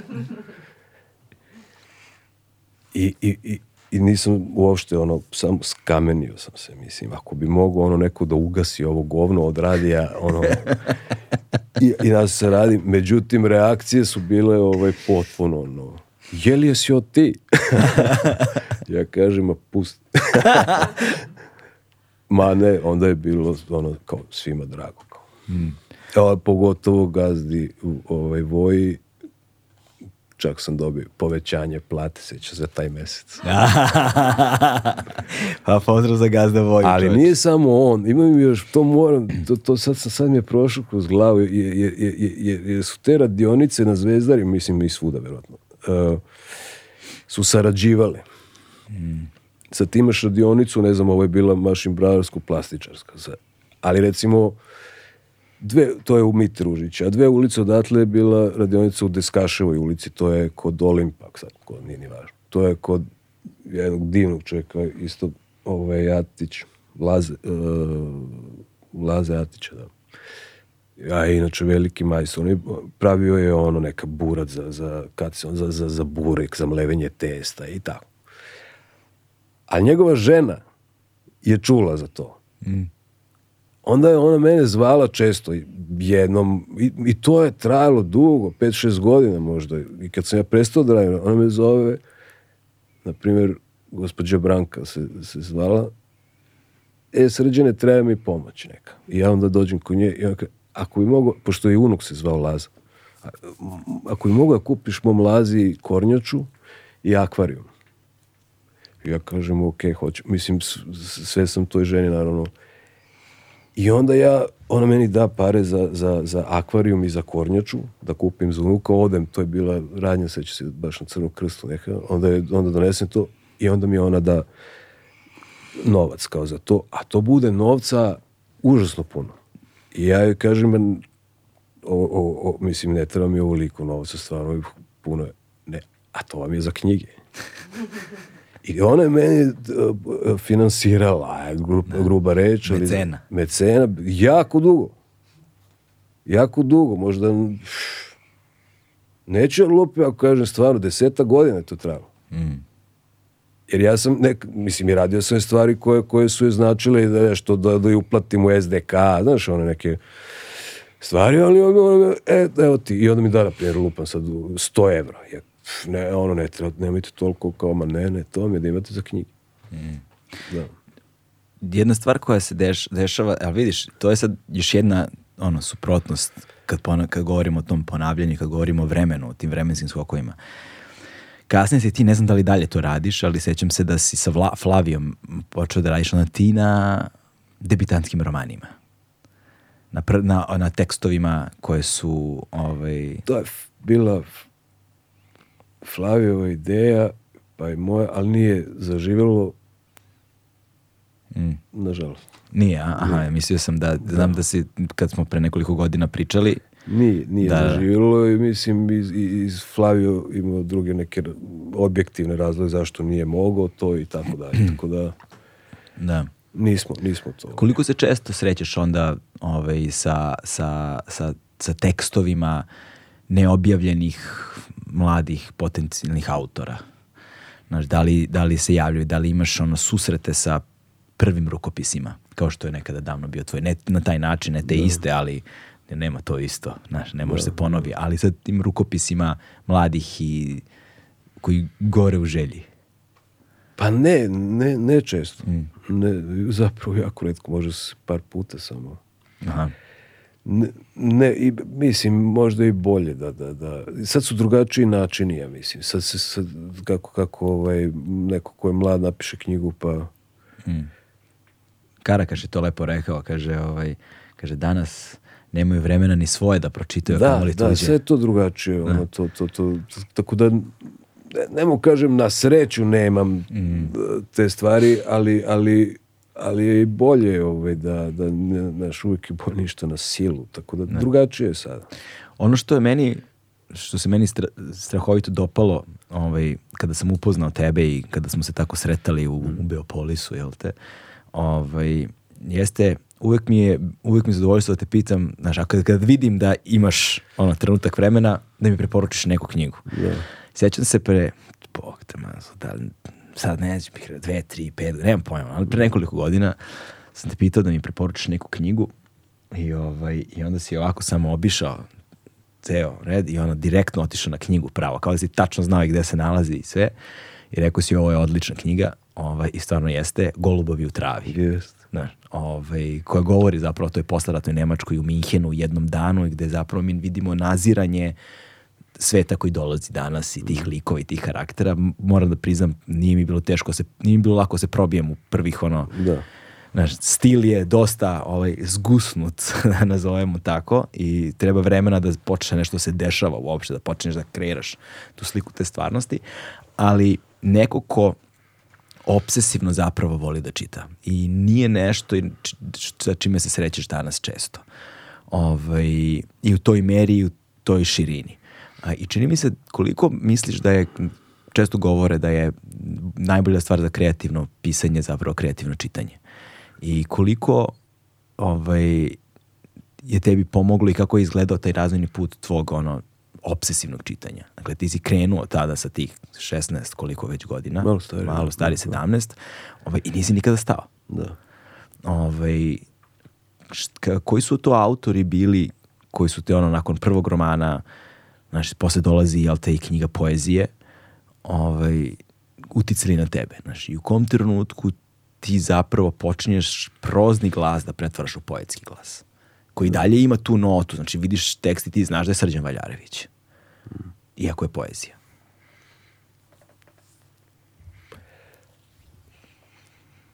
Pa, osim ono, ovoga što smo pričali, ali, što, smo, što sam već pomenuo, ali da. to, je, to je ono pu, ob, kao, da do, dođe kao obavezna neka literatura, mm. ono, Dostojevski, stranac strana, i to, da, da, da to je da, sve. Kad imaš 17 to je to, da. Tako je, Kafka i tako dalje. Ali onda, to je isto bilo jako zanimljivo. Mislim, Kafkin omiljeni pisac, jer sam ja imao potrebu da, da, da onda čitamo Kafki, ako mi se, a jako sam volao Ameriku roman, kad sam to bio mlad. Boga mi ja volim i dalje. Volim i dalje. I, i, i pogotovo njegove dnevnike. Mm -hmm. To mi je bilo negde jako ovaj, važna knjiga. I sad znaš, onda pročitaš Kafkin omiljeni pisac Robert Walzer kod nas ne postoji. Ali postoji u biblioteci. I ja sam čitao ovaj, jako von Gunten uh, kasnije i kod nas. To je zagrebačko, hrvatsko izdanje, sećam se i korice i tako. Gdje, koliko jezika ti govoriš? Koje jezike govoriš? Samo engleski. Samo engleski. Da. Srpski ne govorim. Na srpskom piš. Da. Ovaj, I meni je to bilo otkriće potpuno. I pre toga uh, uh, uh, Nolit je objavio kasnije Flavio Selinov roman Putovanje na kraj noći. Ali, tako da te dve knjige i, i, i, i ovaj, Walt Whitman, Vlati trave. Aha. Ja mislim da su mi to tri najvažnije knjige koje sam pročitao u tom u tom dobu za sve tri, naravno i danas mislim da su ono, jako važne i knjige, velike knjige. A, ali to mi je bilo, mm. to je za mene bilo literatura ono glavna i, i, i, i, i Beketa. Ah, da. Sam isto odmah progutao i to ono sve što je tad moglo, bilo je Moloa, roman, je već bio objavljeno, ovo sve ne mogu da se setim ali ove tri zapravo možda najviše. Da, zanimljivo vedi sa Beckettom, sa teatrom absurda i sa, ne znam, postmodernizmom koji dolazi, jeste što oni eliminišu, i to se takođe u tvoj prozi vidi, motive, a, to jest stvari počinju što bi rekli medijas res, ili su slike ili isečci neki, uh, ne moraju nužno da imaju kauzalizaciju, ne moraju nužno da imaju psihologizaciju, ne znam kakvu, ne moraju da daju odgovore ni na kakva pitanja, mogu samo da postavljaju pitanje ili da ostavljaju sve otvoreno za interpretaciju. Ove, ovaj, I to su stvari koje, koje zaista, ja sam već nekoliko puta i pominjao ovde, meni najdržaj uh, komad Samuel Becketa je Krapova posljednja traka. Mm. Ali ti shvatiš lepotu te Krapove posljednje trake ono trenutka kada je vidiš u izvedbi, nekada je čitaš kao tekst. I ta transformacija zapravo teksta u, u, u predstavu i način na koji je to i, kao ideja moglo da se kreira i da se vizualizuje u toku stvaranja je nešto što je apsolutno, to je genije koji se nesreće. Ali takođe i one anegdota koju smo pominjali kad smo se videli juče, prekjuče, pre dva dana, da. nemam pojma, o, o, jer je Samuel Beckett bio izbode nožem. Jeste. Pa nije hteo da tuži svog napadača, samo želeo jednu stvar. Da ga, da ga poseti u zatvoru ga pitao zašto. I kada ga je I posjetio... ovaj mu je rekao, nemam pojma. E, to. Da. Jel to nemam pojma. Da. To čini mi se da je nešto što zapravo viđam u tvojoj prozi. Znaš, Da. koji- što, nešto što čini mi se da postoji u komu, onako da je tu kulminacija i da postoji ta lepota toga, zapravo nedokučivosti negde, bez nekog jasnog ključa koji ti od, ra- od, otključava delo, što ga čini zapravo negde i dugovečnim na taj način, jer nema jednog konačnog odgovora. Zaista je odlično i ostavljeno sve na interpretaciji i ono to recepciji tebe kao čitaoca. Sa tradicijom dugom skoro tri decenije, Legend Worldwide je prepoznatljiv domaći brend sa akcentom na jeans, pre svega, koji odlikuju bezvremenski, klasični modeli. Uh, ali u kom trenutku, jel te, Dakle, i na koji način sad, pošto bih volao tim stilom nekako da stignemo na LTE do koma, naravno, i da pričamo onome što je sad aktuelno. Ovaj, ali mi je važno da dođemo tog poetskog, jer a, kada i na koji način se poetski glas zapravo javlja? Da li on bio prisutan tu sve vreme ili kako si eksperimentisao sa time i kako dolazi zapravo do zbirke pesama? posebno u tom periodu, da. vrlo specifično gde smo živeli tada i glas koji si ti imao.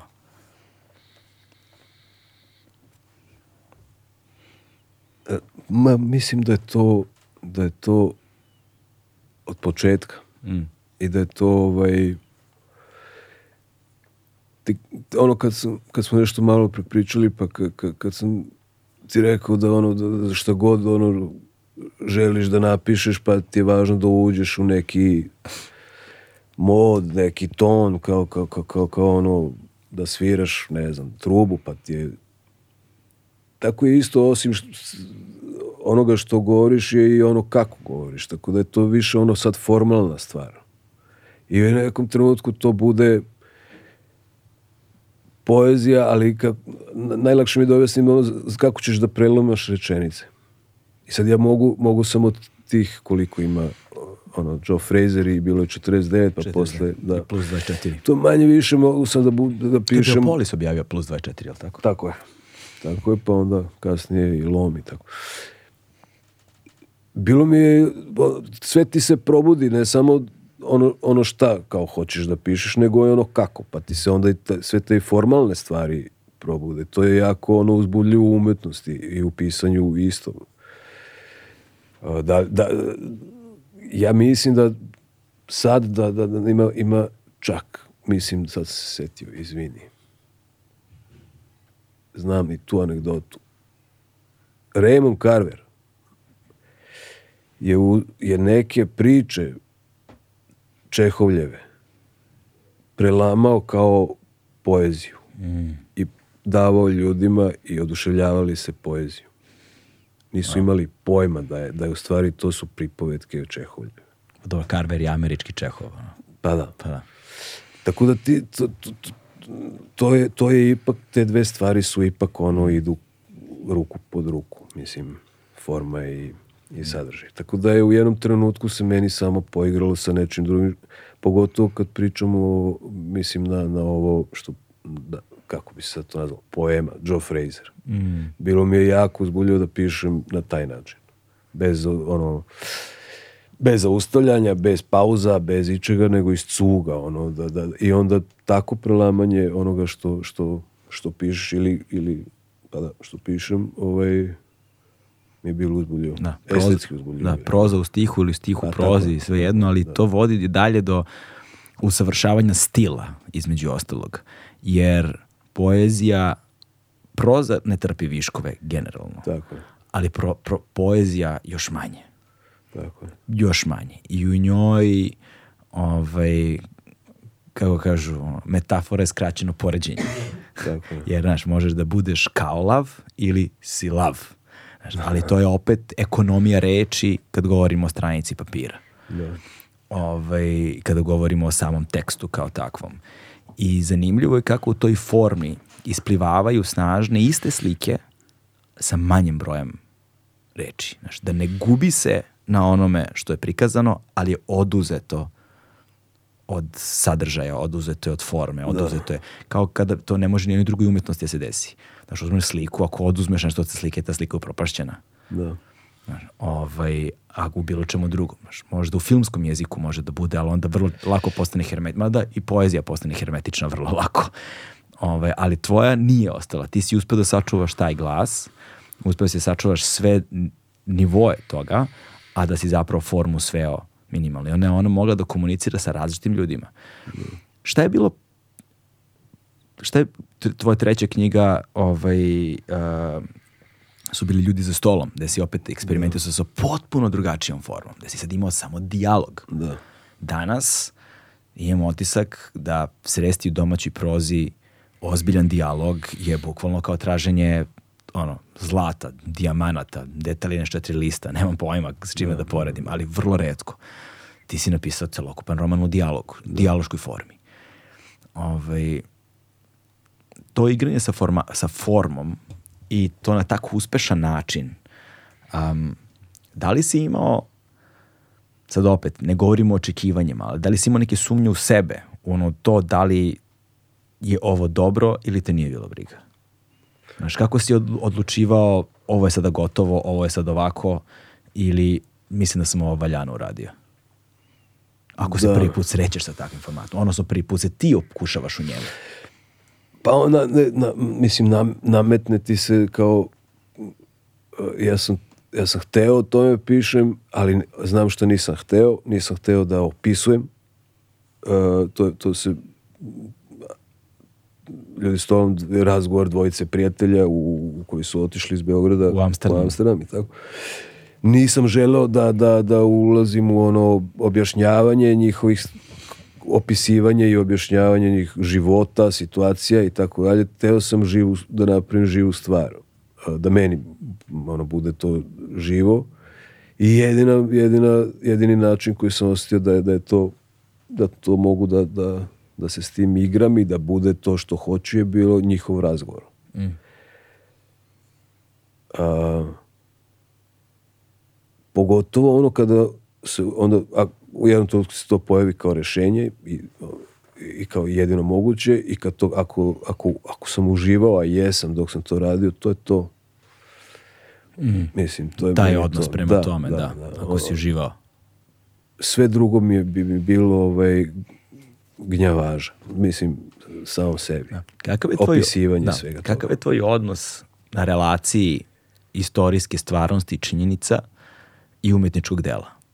Um, jer istorijska građa, da. činjenična stvarnost, mogu da posluže kao motivi za umetničku, za umetničku građu, deo umetničke građe, motivi za umetničko delo, i to što su oni istorijski tačni ne mora da ima nikakvu stvarnostnu vrednost da. u kontekstu istorije naše, jer kao što negde smo isto pominjali Rat i mir je istorijski tačan roman, ali nije učbenik iz istorije koji se uči, da. izučava na fakultetu. Jel te? To je samo stvarne činjenice koje su iskorišćene kao motivacija za umetničku građu. Uh, jer zanimljivo je ti komo otvaraš, svi događaji i likovi su izmišljeni, da. kako veše, svaka, stvar, svaka slučaj, slučajno, da, ali svaka, svaka poklapanje sa stvarnim događajima slučaja ili tako nešto. Da, a zapravo je sve istorijski tačno. Da. Osim toga, kasnije sam u kroz komu 2 pričat ćemo o tome, saznao da su brojni drugi likovi postali koji se isklopi u jedne likove, da. ali i o tome ćemo pričamo. Ali a, i u celokupnoj tvojoj prozi i poeziji u svemu zapravo ima svih tih elemenata. Na koji način se se ti odnosio prema tom odnosu stvarnosti i, i, i, i umetnosti? Ta relacija i koliko te je zamarala ili nije zamarala uh, uh, ono, interpretacija javnosti toga da li je nešto činjenično stvarno ili nije činjenično stvarno. Jer ti si, na primjer, činjenično stvarno bio u Holandiji, da. jel tako? I, i to je pro, roman je nastao kao posljedica tog stvarnog iskustva. Da. I da li je možda to stvarno iskustvo neophodno za kreiranje umetničkog dela ili umetničko delo može s druge strane da bude potpuno izmišljeno da autor nije imao da, nikakvog da, iskustva sigurno, u tome. Da, da. E. Ba, sigurno može, da, da. Be, bez sumnje. Ali, ali meni je ovo prosto da. moj razlog zašto, zašto sam to radio a, ali, onda je i, i, i naravno sad kad već pri, sad, mislim meni je jako drago bilo naravno i to, to ne, ono, ne, ne, ne možeš da budeš ja nisam imao naravno na stvari koje, koje se dese kad knjiga izađe i tako ajde. Da, da, dakle, jedna stvar mi je strašno prijela, to je to što sam što je Žika Pavlović, naš poznati reditelj, otišao i kupio 30 knjiga i, i podelio studentima. Mm. To je meni bila najveća nagrada, mislim. Uh, uh, rekao im je, ovo mi je film. A to je ono što sam ja hteo. Ja sam hteo da, da, da, da, da napravim to nešto što... O, tu u knjizi Ljudi za stolom ima onih delova koji su kao, ajde da kažem, uh, lirski neki pasaži ili ne znam kako se to sad naziva stručno, ne znam, izme, u, znaš, u, mhm, da. među tim razgovorima. A razgovori su tačni, ali ono što me stvarno negde povuklo da i bude u formi razgovora i, i, i, i i da ne, i da ne, ne, nema šta da izmišljam su, su na kraju krajeva ono što je bilo zaista stvarno to je da jedan od te dvojice što je moj pokojni prijatelj Blaža, onda tamo u to vreme, ma, ne, o, moj brat od tetke isto je bio i on je umro. Tako da sve to kojeg isto o kojem tamo govorim, sve bilo neki meni bliski ljudi i ja pričam o ljudima koji su stradali od svog života, načina života i tako dalje.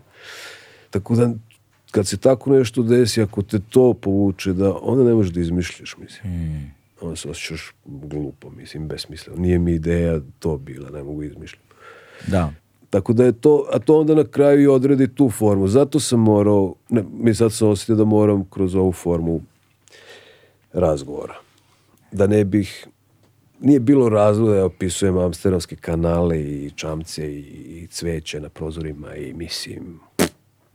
Da koga briga. Da, me, me, po, po, za taj prvo za mene. Da, da, da. da. Mene nije interesovalo. Tako da je, zato je to... Ovaj... Ali ono trenutak kada tako umetničko delo izađe, znaš, da.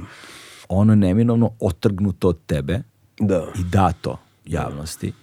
I ima ta rečenica kod uh, Dickensa u, u, u velikim očekivanjima kad kaže i onda su ga razvlačili kao kurjac i prljav dronjak. Znaš, I onda da. ta javnost uzme i to počinje da čereči.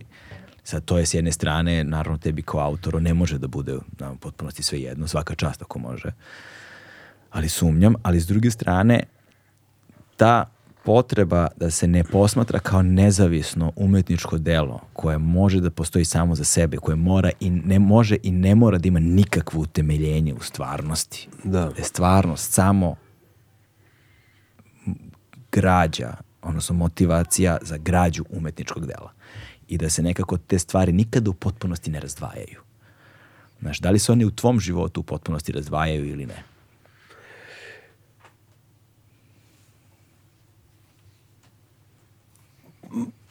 I da i ne, ali i da i ne, ali objasnit Ali isto pre toga moram samo to da ti, da, da, ne, da, da ti objasnim da...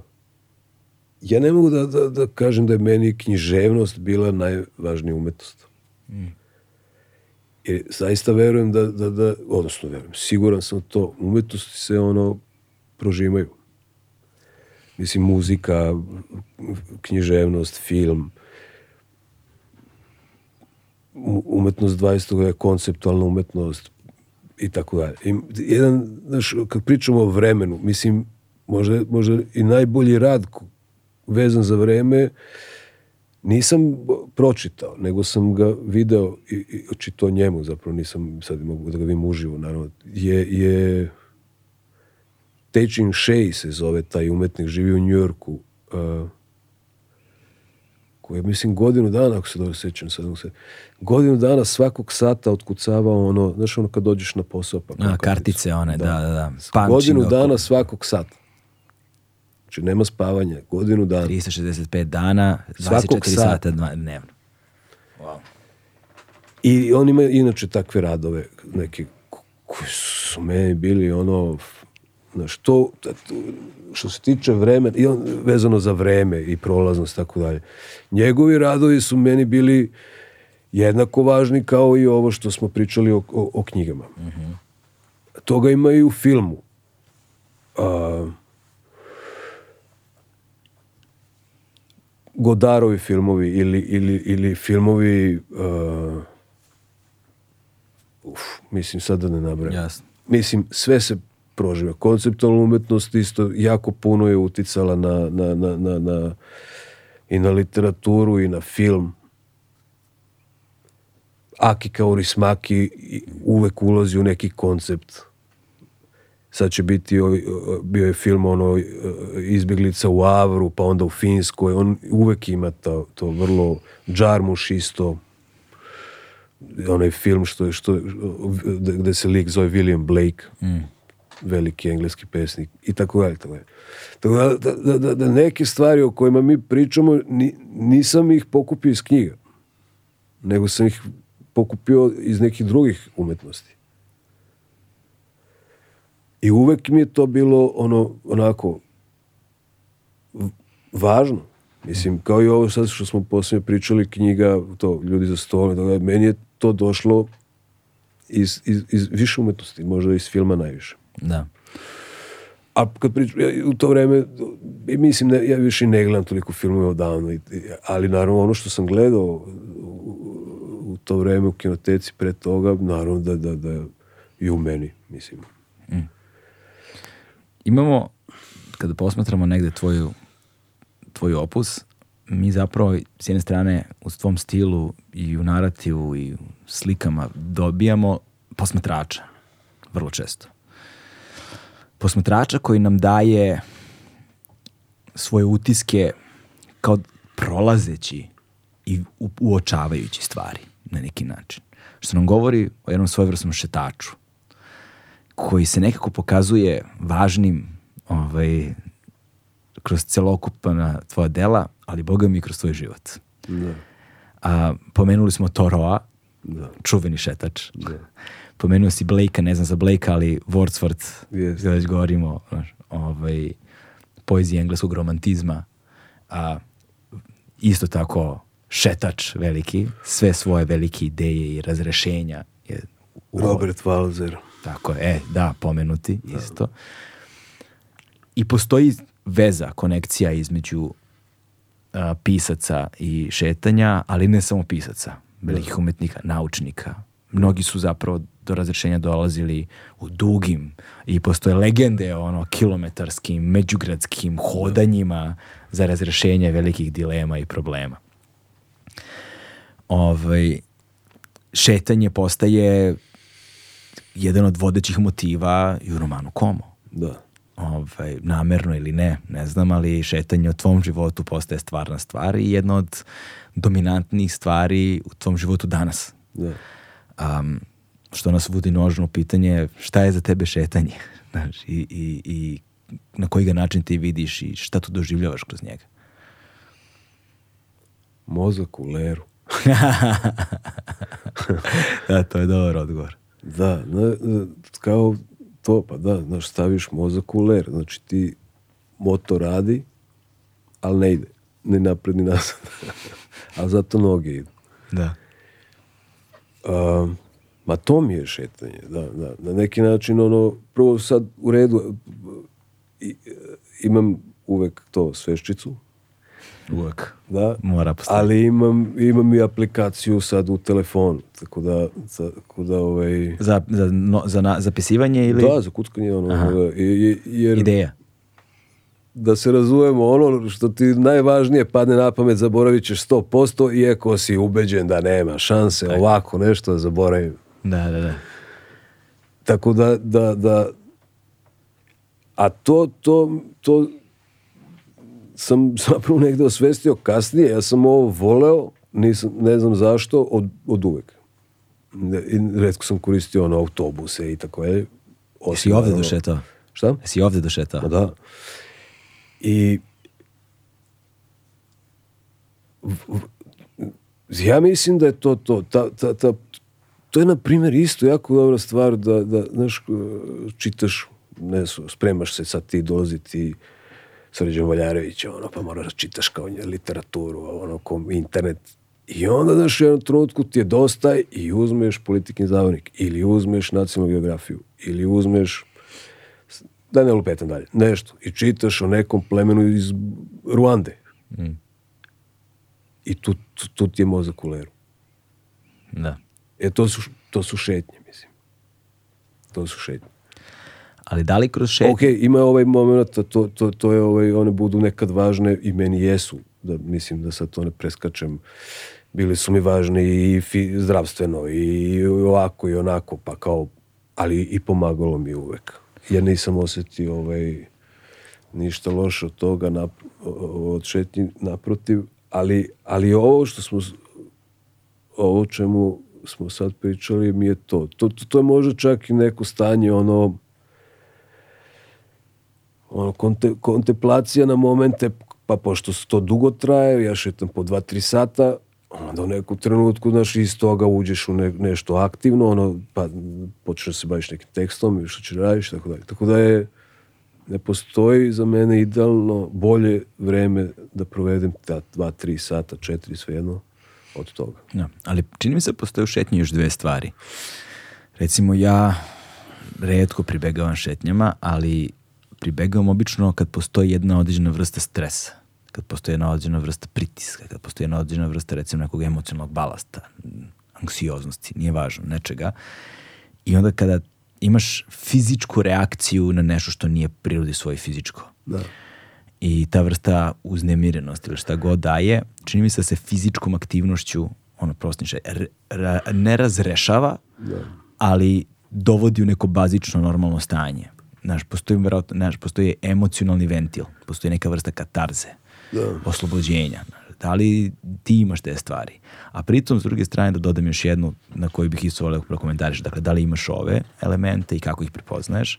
A druga je ovaj, ritualno.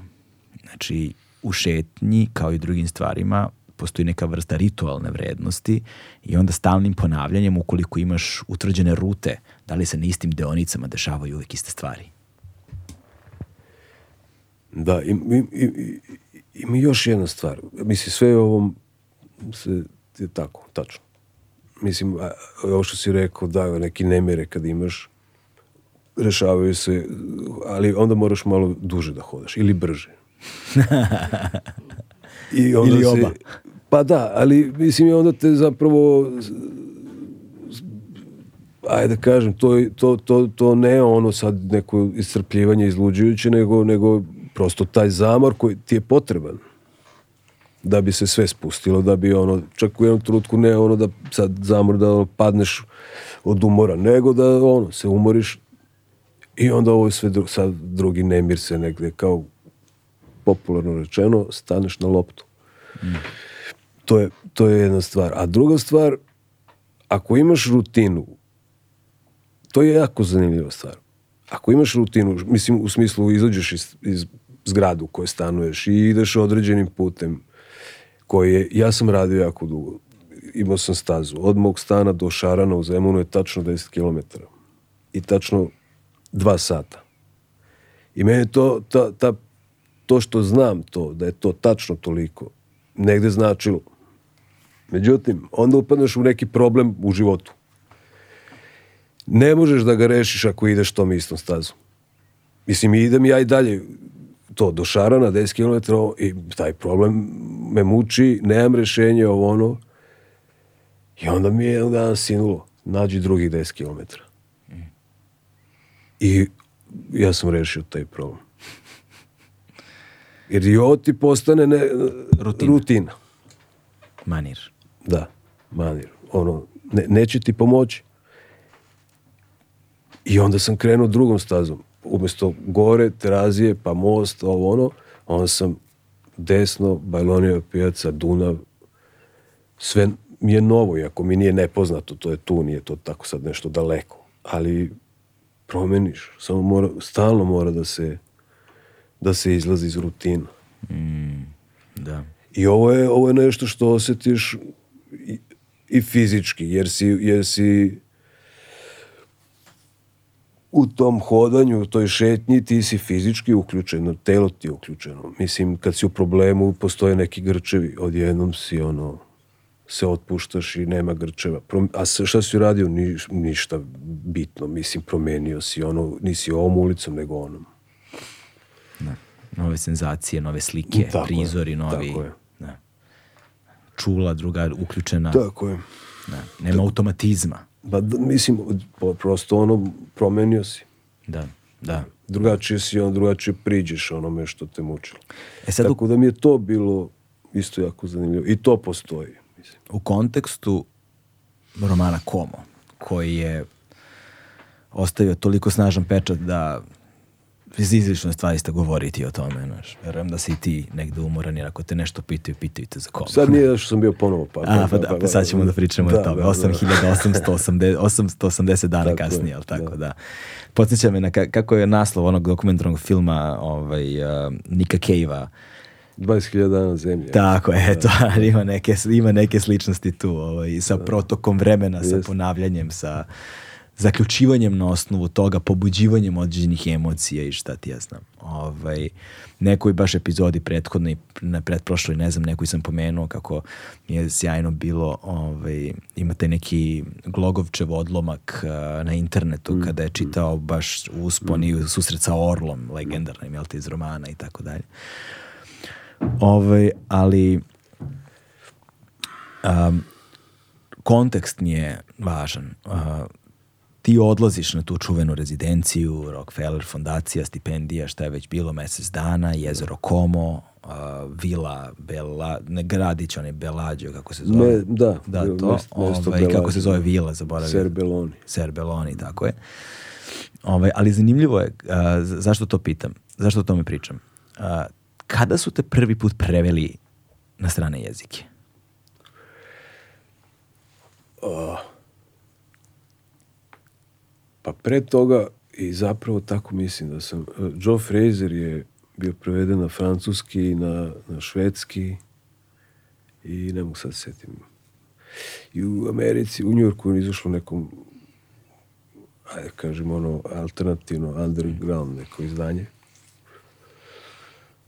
ali u Francuskoj i Švedskoj je bilo i bilo prevedeno, da to, a koja god, mislim, 95. ili 6. ili 7. tu negde. Ovaj, da li znam da- to... Da, izvini, znam da kad sam došao 98. na komo, da sam imao francuski i švedski prevod, znači to je tu. To je to. E sada, da li su ti prevodi uticali na razlog zašto si završio tamo i ko je bio zadužen za te prevode? I pritom kakav je ono, prevesti poeziju na strani jezik je vrlo zanimljiva stvar. Da. Što je prevodi, pre, prevodilac, prevoditeljka, ovaj, vrlo značajna ličnost. Praktično još jedan umetnik ili umetnica ovaj, Nažalost, ne usetim ovo imena francuskog ovog prevodioca i, i, on nije ni više živ. Uh, sve vreme je Jean Ruš u glavi, ali Jean Ruš je filmski rejt.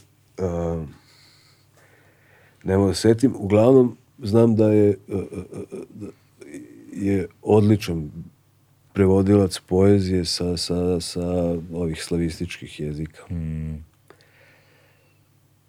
A, I da je, da, je, da je taj prevod bio dobar, to mi je rekao, ovaj, jer ja ne znam francuski, to mi je rekao Rolf Agestam, nažalost, ni on sad je nedavno umro, inače bili smo veliki prijatelji, švedski pesnik, čija je žena Aneli pre, pre, pre, prevodilac sa slavonskih jezika na, pogotovo ovo srpsko-hrvatski, na švedski. Mm. Njih dvoje su zajedno preveli Joe Fraser, on se služio i francuskim, ona mu je i tako dalje. Tako da to što su uopšte prevedene, a pogotovo to što mi Rolf ovaj, koji inače su živjeli, mislim Anelio živa, u Stoholmu, ali je bio u Geteborgu nekim poslom i onda je naleteo na u kafeu neki momak je čitao Joe Friedera. Wow. I on je me odmah zvao. Po mene kao neki momak čitao. Bio to ono, znaš, ono, to uzbuđenje. To, to, to, to niko ne čita poeziju, mislim, jako malo ljudi. Mm. Tako da, E sad ti mene posjeti što si me pitao. Pa zato što dve stvari me tu zanima. Ima jedna anegdota sa engleskim prevodom da. koja kao što je ovde bilo da je 30 primjeraka dato studentima i da, da ti je to bila kao, znaš, ima i za Joe Frazera jedna ovaj, anegdota a, sa engleskim prevodom, pa postoji klub u kome je Bob Dylan. Jeste. Da. Da, jeste. Uh,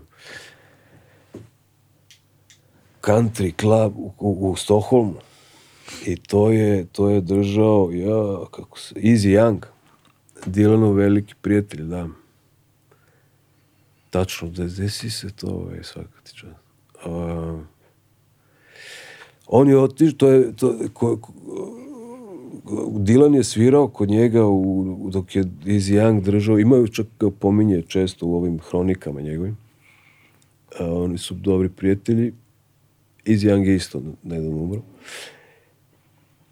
ali negde 80-ih godina je ono Reagan došao na vlast u Americi i tako neka konzervativno, konzervativa velika, tako mi on bar I, i, I onda je ono osjetio želju da, da ode iz Amerike i preselio se i jedino gde je to uspeo tako da nađe zbog muzike koju on slušao, to je neka i, i prikuplja, to je, to je neka folk, ne folk ovo, Jasno, da. da nego ono, gitare i, i, vrlo važno tekst i tako dalje, mu je bila Skandinavija, tako da je folk centrum, folk centrum se izvalo to u Stoholmu, gde si inače mogo da uđeš ovako polici sa knjigama i da uzmeš čaj, da čitaš knjige i tako. Jedan divan tip. Tako da jeste, on, je traž, on me zvao da dođem, da se upoznamo, on je, njemu je Joe Fraser bila ovaj, omiljena knjiga. Da. Tačno. Da. E. Svaka ti čast, evo te, ne bi se setio toga nikad. e sada, a, a takođe, ovo pokušavam zapravo da dođem do, jel te, da. koma 2, da. ovaj, koma ili komoa, ovaj, 2, um, a to je da u jednom trenutku sugerišeš ili ono, pretpostavljaš da razlog zašto si uopšte došao jeste jer je postojala, jel te? Ja mislim da jedino je to bilo moguće, Rolf Agestam, Easy mm. Young i ovo ono i onda to ide na preporuku i to je, mislim da jedino jedino to. Pretpostavljam da je to bio da, razlog da, zašto da, si dobio da, poziv da. da odeš u komu. Ovaj, I sad mi znamo, ono što je zanimljivo u svemu tome, mi znamo kako je protekao tvoj boravak tamo. Da, da. Pročitali smo u tome u koliko izdanja do sada, ono, 170.000 izdanja različitih. Da, ima dosta. Ima dosta izdanja. Ovaj, saznali smo da, znači, i za svaki dan tvog života tamo smo saznali kako si pio i nisi radio ništa i šetao puno ovaj, i blejao po kafejima tamo i upoznavao Al, uh, Alfreda, al tako? Augusto. Augusto, izvini, Augusto i ekipa. Ovaj, I peo si planinu a, a, i njoj sam zaboravio ime. Monte San Primo. Monte San Primo, da. Ali, zanimljiv trenutak a, je u tome što ti 25 tačno godina kasnije odlaziš ponovo tamo. Da. I ono što je za nas obožavaoci, jel te, a, tvojih, tvoj, tvog dela posebna stvar, što je to za nas i naznaka da se možda Srđan Valjarević vraća naš svet ovaj, književnosti i da možda dobijamo nastavak koma. A, sad sam ja malo zbunjen, ja sam pročitao onih pet tekstova mm. koji su bili na velikim pričama, mm. jel tako? Ove, koje ljudi mogu da plate pretplatu nešto 4,99 eura i da pročitaju da. Ovaj, svih pet priča koje su zaista lepe. Uh, A, I tamo si naveo da je komo dva kraj, da je to kraj, znači da je da, to da, to. Znači. Da. I da li to znači da su ti tekstovi da je to to ili da zapravo imamo roman koji će tek da izaći? Neće biti roman. Neće biti roman. Ali bit će knjiga, da. Ali bit će knjiga ovako neka zbirka tekstova kao više. Ne, bio, ovih pet, sad malo naravno da sam doradio, još ima dve, tri i između toga ima zapravo tekst koji je malo duži. Uh, ja ne znam E, inače se mučim s tim kao sad određujem žanrove, ali to... to, to da, ne, bi, ne, ne moraš žanrovski se određuješ. Dokumentaristička neka proza, je tako nešto. Nazovemo, da, da. Da, da. nema, jer, jer, jer su se zaista desile dve stvari koje su mi bile najvažnije kad sam išao tamo. Prva stvar koja mi je, koja mi je zaista važna je, je, je da sam, da je Augusto imao 87 godina, i da je živ i zdrav i to isto, sve je predivno nešto, to nis, nemam tu vrstu iskustva da, da, da, da sam se družio sa čovjekom od 87 godina kao što se družio sa, sa njim kad je bio 25 godina mlađi jedna vitalnost ono koje, koju, koju jednostavno nisam sreo uh, a druga stvar je bila imao sam želju ako to bude ok sa Augustom onda moram da se popnem ponovo na, na, na, na na Monte San Primo koji je 1700 metara u međuvremenu za ovih 8880 dana je i zdravstveno bilo svega i tako dalje i međutim popeo sam se.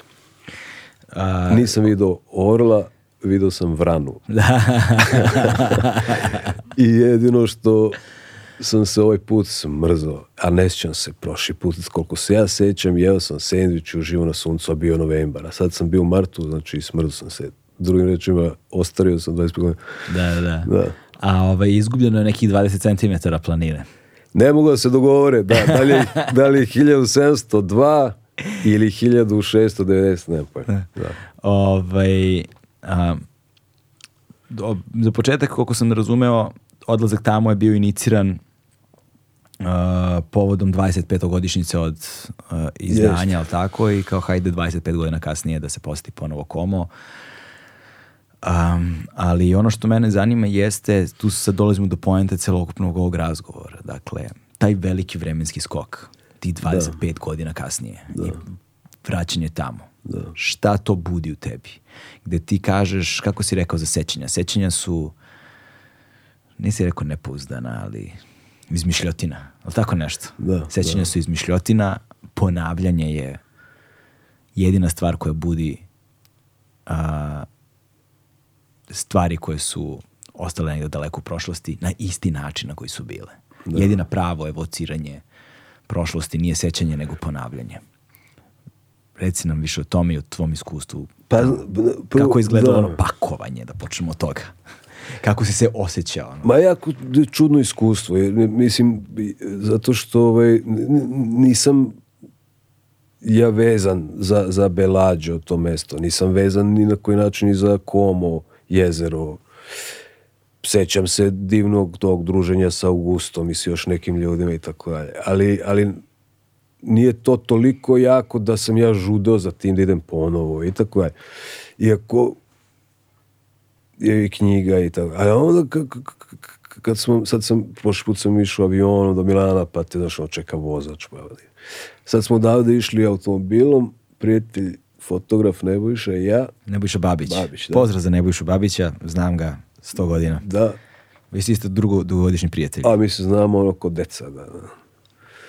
I kako smo se približali, ovaj, i ono, znaš, nešto, prepoznajem stvari, mislim, neke stvari, kuće, ovo, ono, predao i tako dalje. Nije se puno promenilo? Ne, ne, ja, ne, čak ono, kao i svuda naravno 25 godina pa onda da vidiš da je neko selo preko puta veće nego što je bilo i tako, ali ne sad to nešto drastično, nema solitera nigde. Da. No, to su ekskluzivni krajevi. Pa da. tako je. To se ne, džetri, ne gentrifikuje. Ne daju. Mislim. Oni ne. jednostavno ne daju da im kvariš. Nema tu da. Beograda da. na vodi. Ono. da. I, ali ono što ta vrsta uzbuđenja mi je nova i, i u stvari jako uzbuljivo da se ti, i pogotovo to kad smo stigli, parkirali automobil i sad naravno trebalo da pomognem Nebojši oko te opreme da vadi, mislim, za, za svima, mislim, ja sam odmah pretrčao ulicu i ušao u sport bar i da vidim gde je Augusto. I taj moment kad se on pojavio, naravno nije on mene prepoznao odmah, ja njega jesam, I onda sam mu ja rekao, kao, ej, Augusto, srđan, ono. I on je to, ono, on se toliko obradao da, sam, da je duplirao moju radost. Ali u stvari, a u stvari sva ta emocija u stvari je bila ne to toliko naše druženje, ni to što sam ja bio tamo, nego to što sam ja o tome pisao. Mm. I što se ti vratiš u tekst. I sad taj Augusto je meni bio lik I sad ja odjednom sa svojim likom, mislim, po navice, se ono grlim. Aha, ali stvarno. ali stvarno, da. Znači, nismo se vidjeli 25 godina. Da.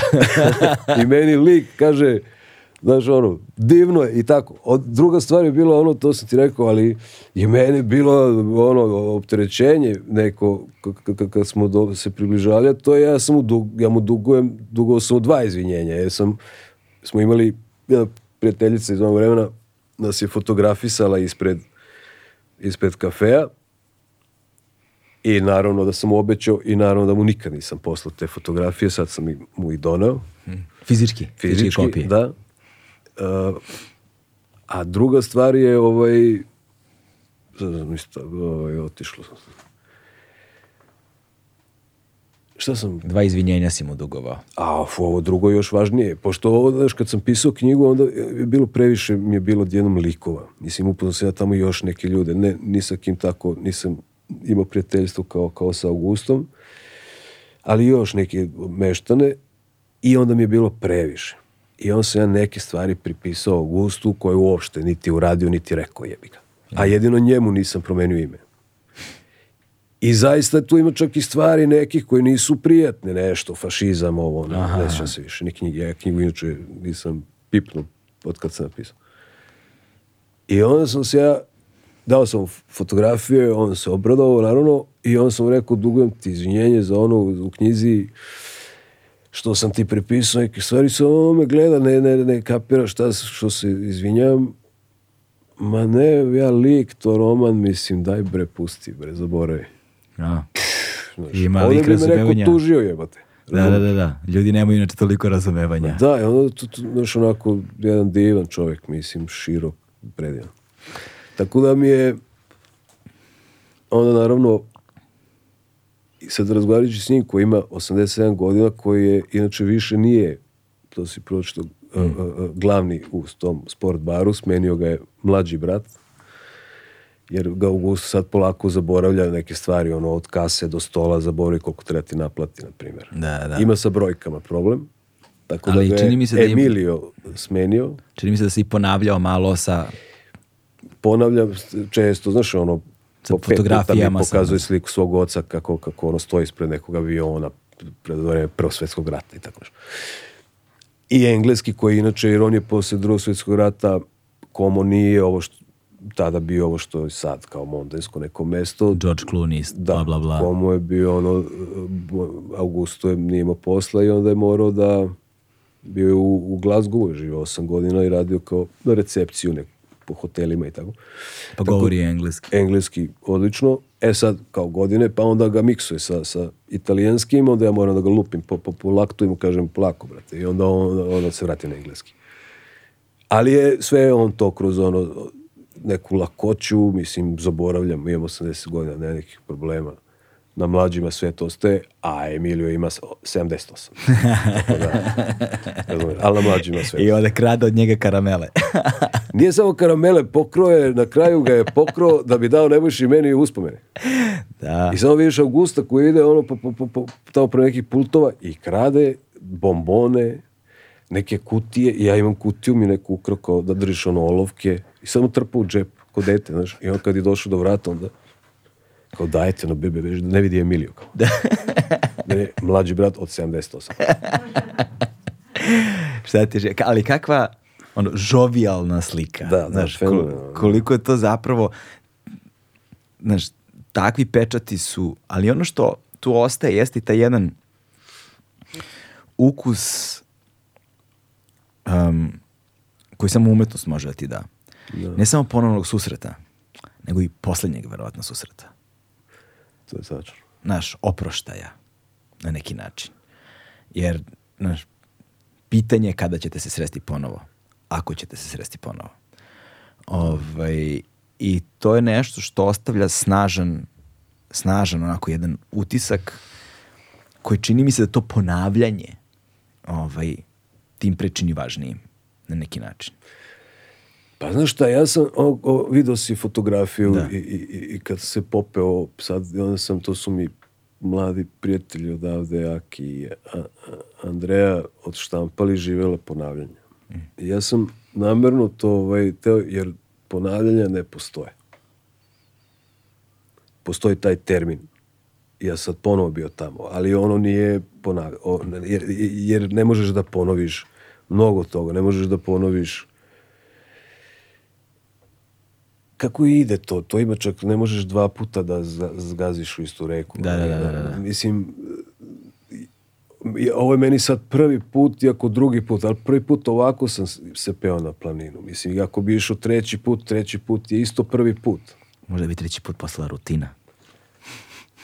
Ne verujem. verujem. Naš naporno je visoko je, ali, ali okay, kapiram. Uh, uvek je drugačije Tako da ponavljanje zapravo postoji samo kao termin u umetnosti ili ima ta fantastična knjiga Kierkegaardova ponavljanje koje jeste... I on je volao da šeta. Tako je. Koje jeste upravo o tome. Zato su ponavljanja i lepa, zato što ne, su nemoguće. Ne možeš da ponoviš. Ali možeš da evociraš. Možeš.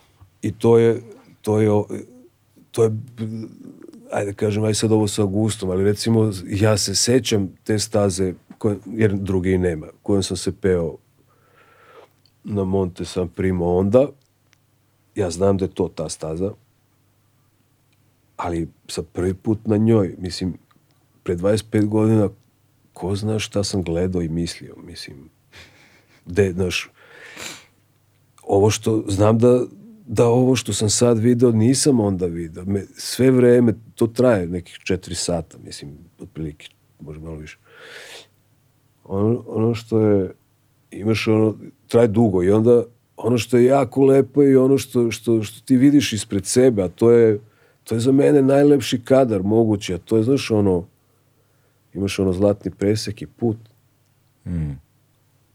To, to, to, to vizuelno mi je možda, to je najlepša kompozicija, ono, kada, kada, kad razmislim. Sve drugo mi je, znaš, i sad ti sve vreme imaš taj kadar ispred sebe, ono, ok, to nije klasično, klasično, to nije planinarenje, to je, iznam tamo po nekoj literaturi, ta staza spada u ono srednje teške hiking staze. Mm. Sad, na momente stvarno je naporno i pogotovo kad silaziš i opasno i tako dalje, tako da mora se pazi. Ali, ali, ali, ali to kad se penješ, to je predivno. To iskustvo što, što ti hodaš kroz, ne ono ok, ono što vidiš oko sebe isto predio, Alpi, sneg i tako dalje, dole jezero i tako. Ali sve vreme u stvari ti vidiš taj, tu stazu. To ti je kadar koji ti vidiš. Pogotovo ono kako si umorni sve manje i manje i gledaš ono naokolo. Ja to sigurno nisam gledao pre 25 godina. Hm.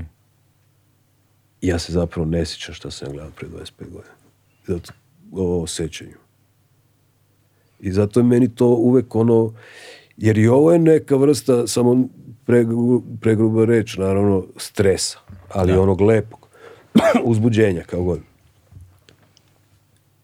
I ja se uvek onda setim, to je, to je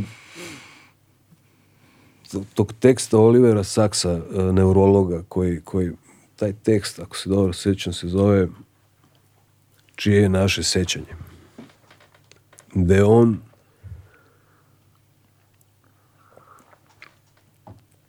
on ovaj, piše tu kad, kad je pisao svoju on je neurolog, mislim da i Nobelovac i tako dalje, ali je pisao svoju autobiografiju i kad je završio, on je dao taj rukopis svom bratu, starijem, da pogleda, čisto. I onda je brat pročito knjigu i rekao mu, super, sve osim početka koji ti je netačan. A na početku je ono pisao kad je bio dete, pa je bilo bombardovanje Londona, ovo kad su Nemci bombardovali London, da on opisi, opisuje kako su on, tata, mama i on u podrumu, čuju samo eksplozije, rušenje zgrada i tako dalje. Sve to opisao u detalje. I onda da posle nastavio da opisuje svoj život. I onda mu je brat rekao, pa ti uopšte nisi bio u Londonu kad je bilo bombardanje. Vas troje ste bili u selu jednom. I on se tu ono čovjek setio, mislim, ali ja sam bio mobilisan, ja sam bio u Londonu i pisao sam svake nedelje pisma i mama vam je, ti je čitala.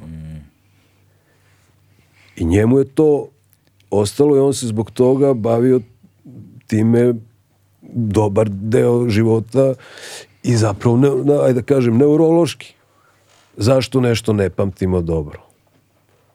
I meni je taj tekst ovaj, bio negde jako važan i pre sam ga čitao, pa onda, a i sad kad sam ovo, kad sam išao po ono komo, znači svako ono, svaki stres, svako jače uzbuđenje, znači bilo dobro ili loše, sve jedno, ti, ti, ti nećeš zapamtiti baš svaki detalj pet godina kasnije, deset i tako dalje.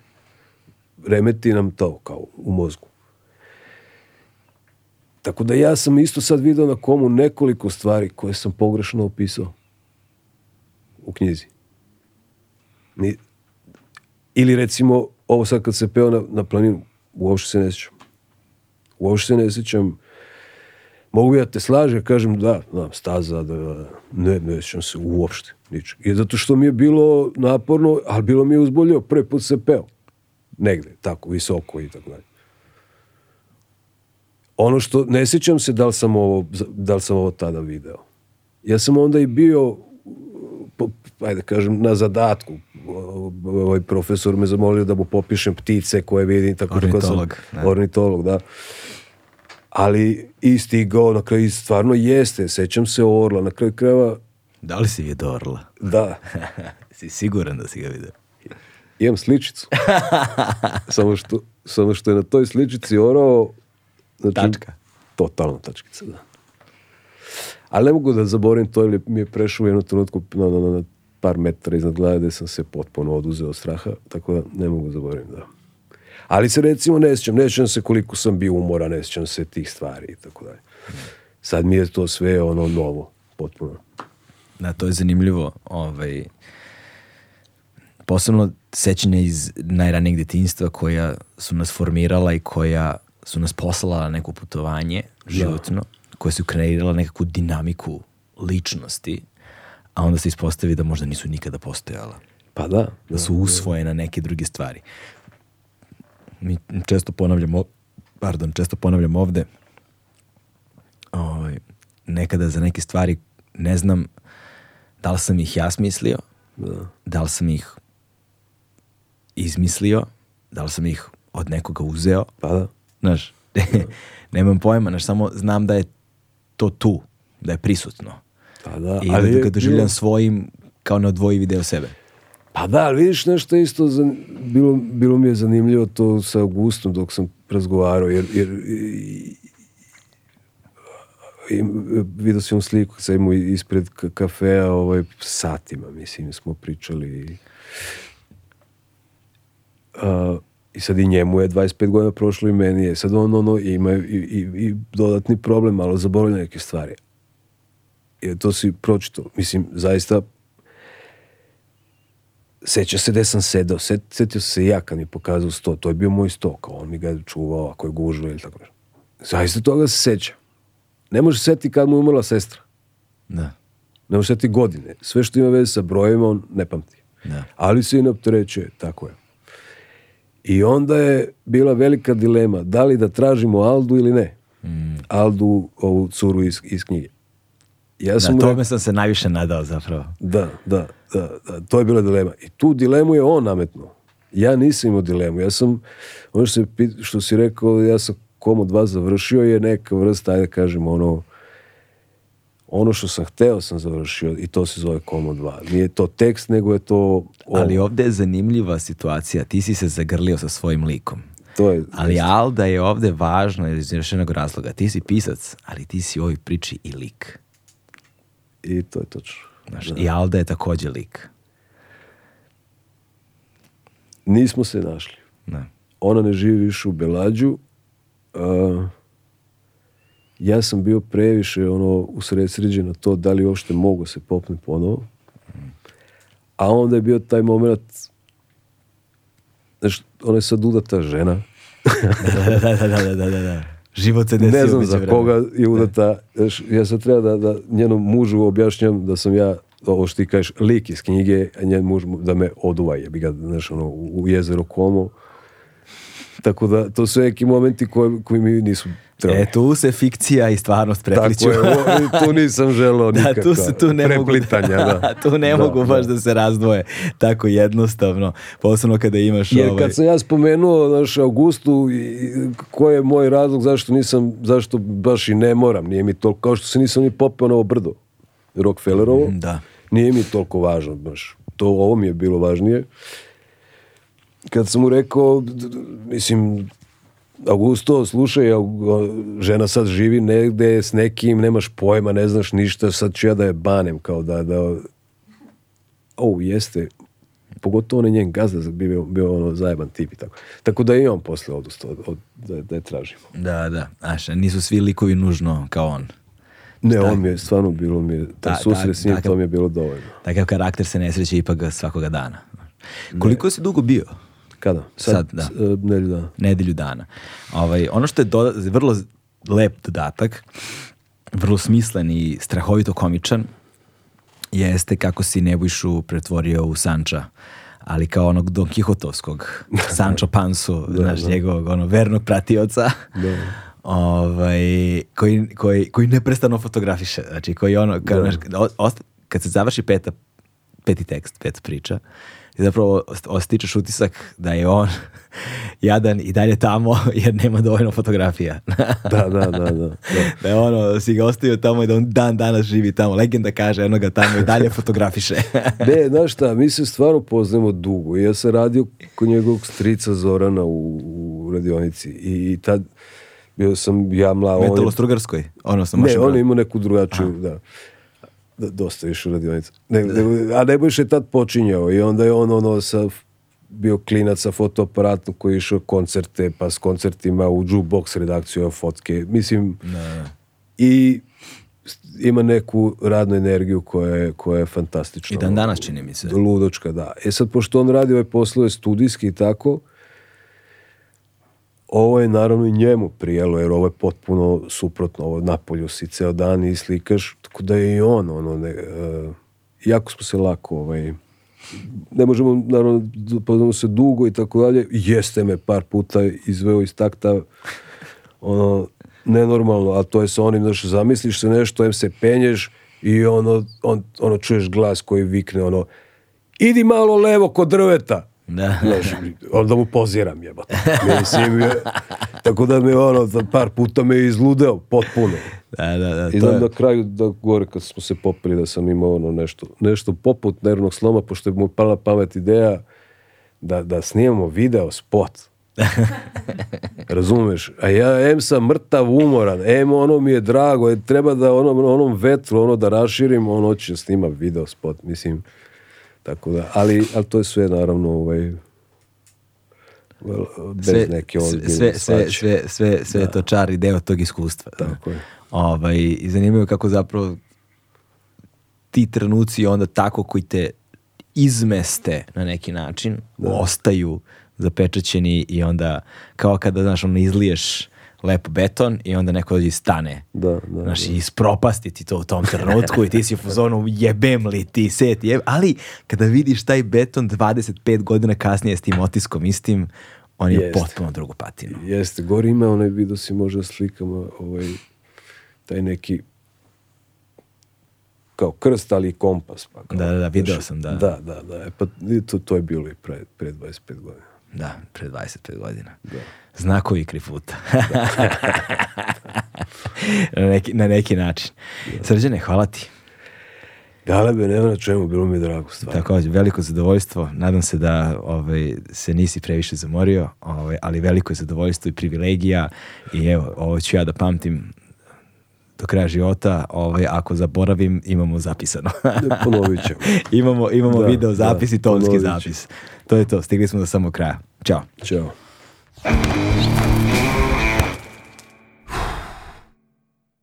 Hmm.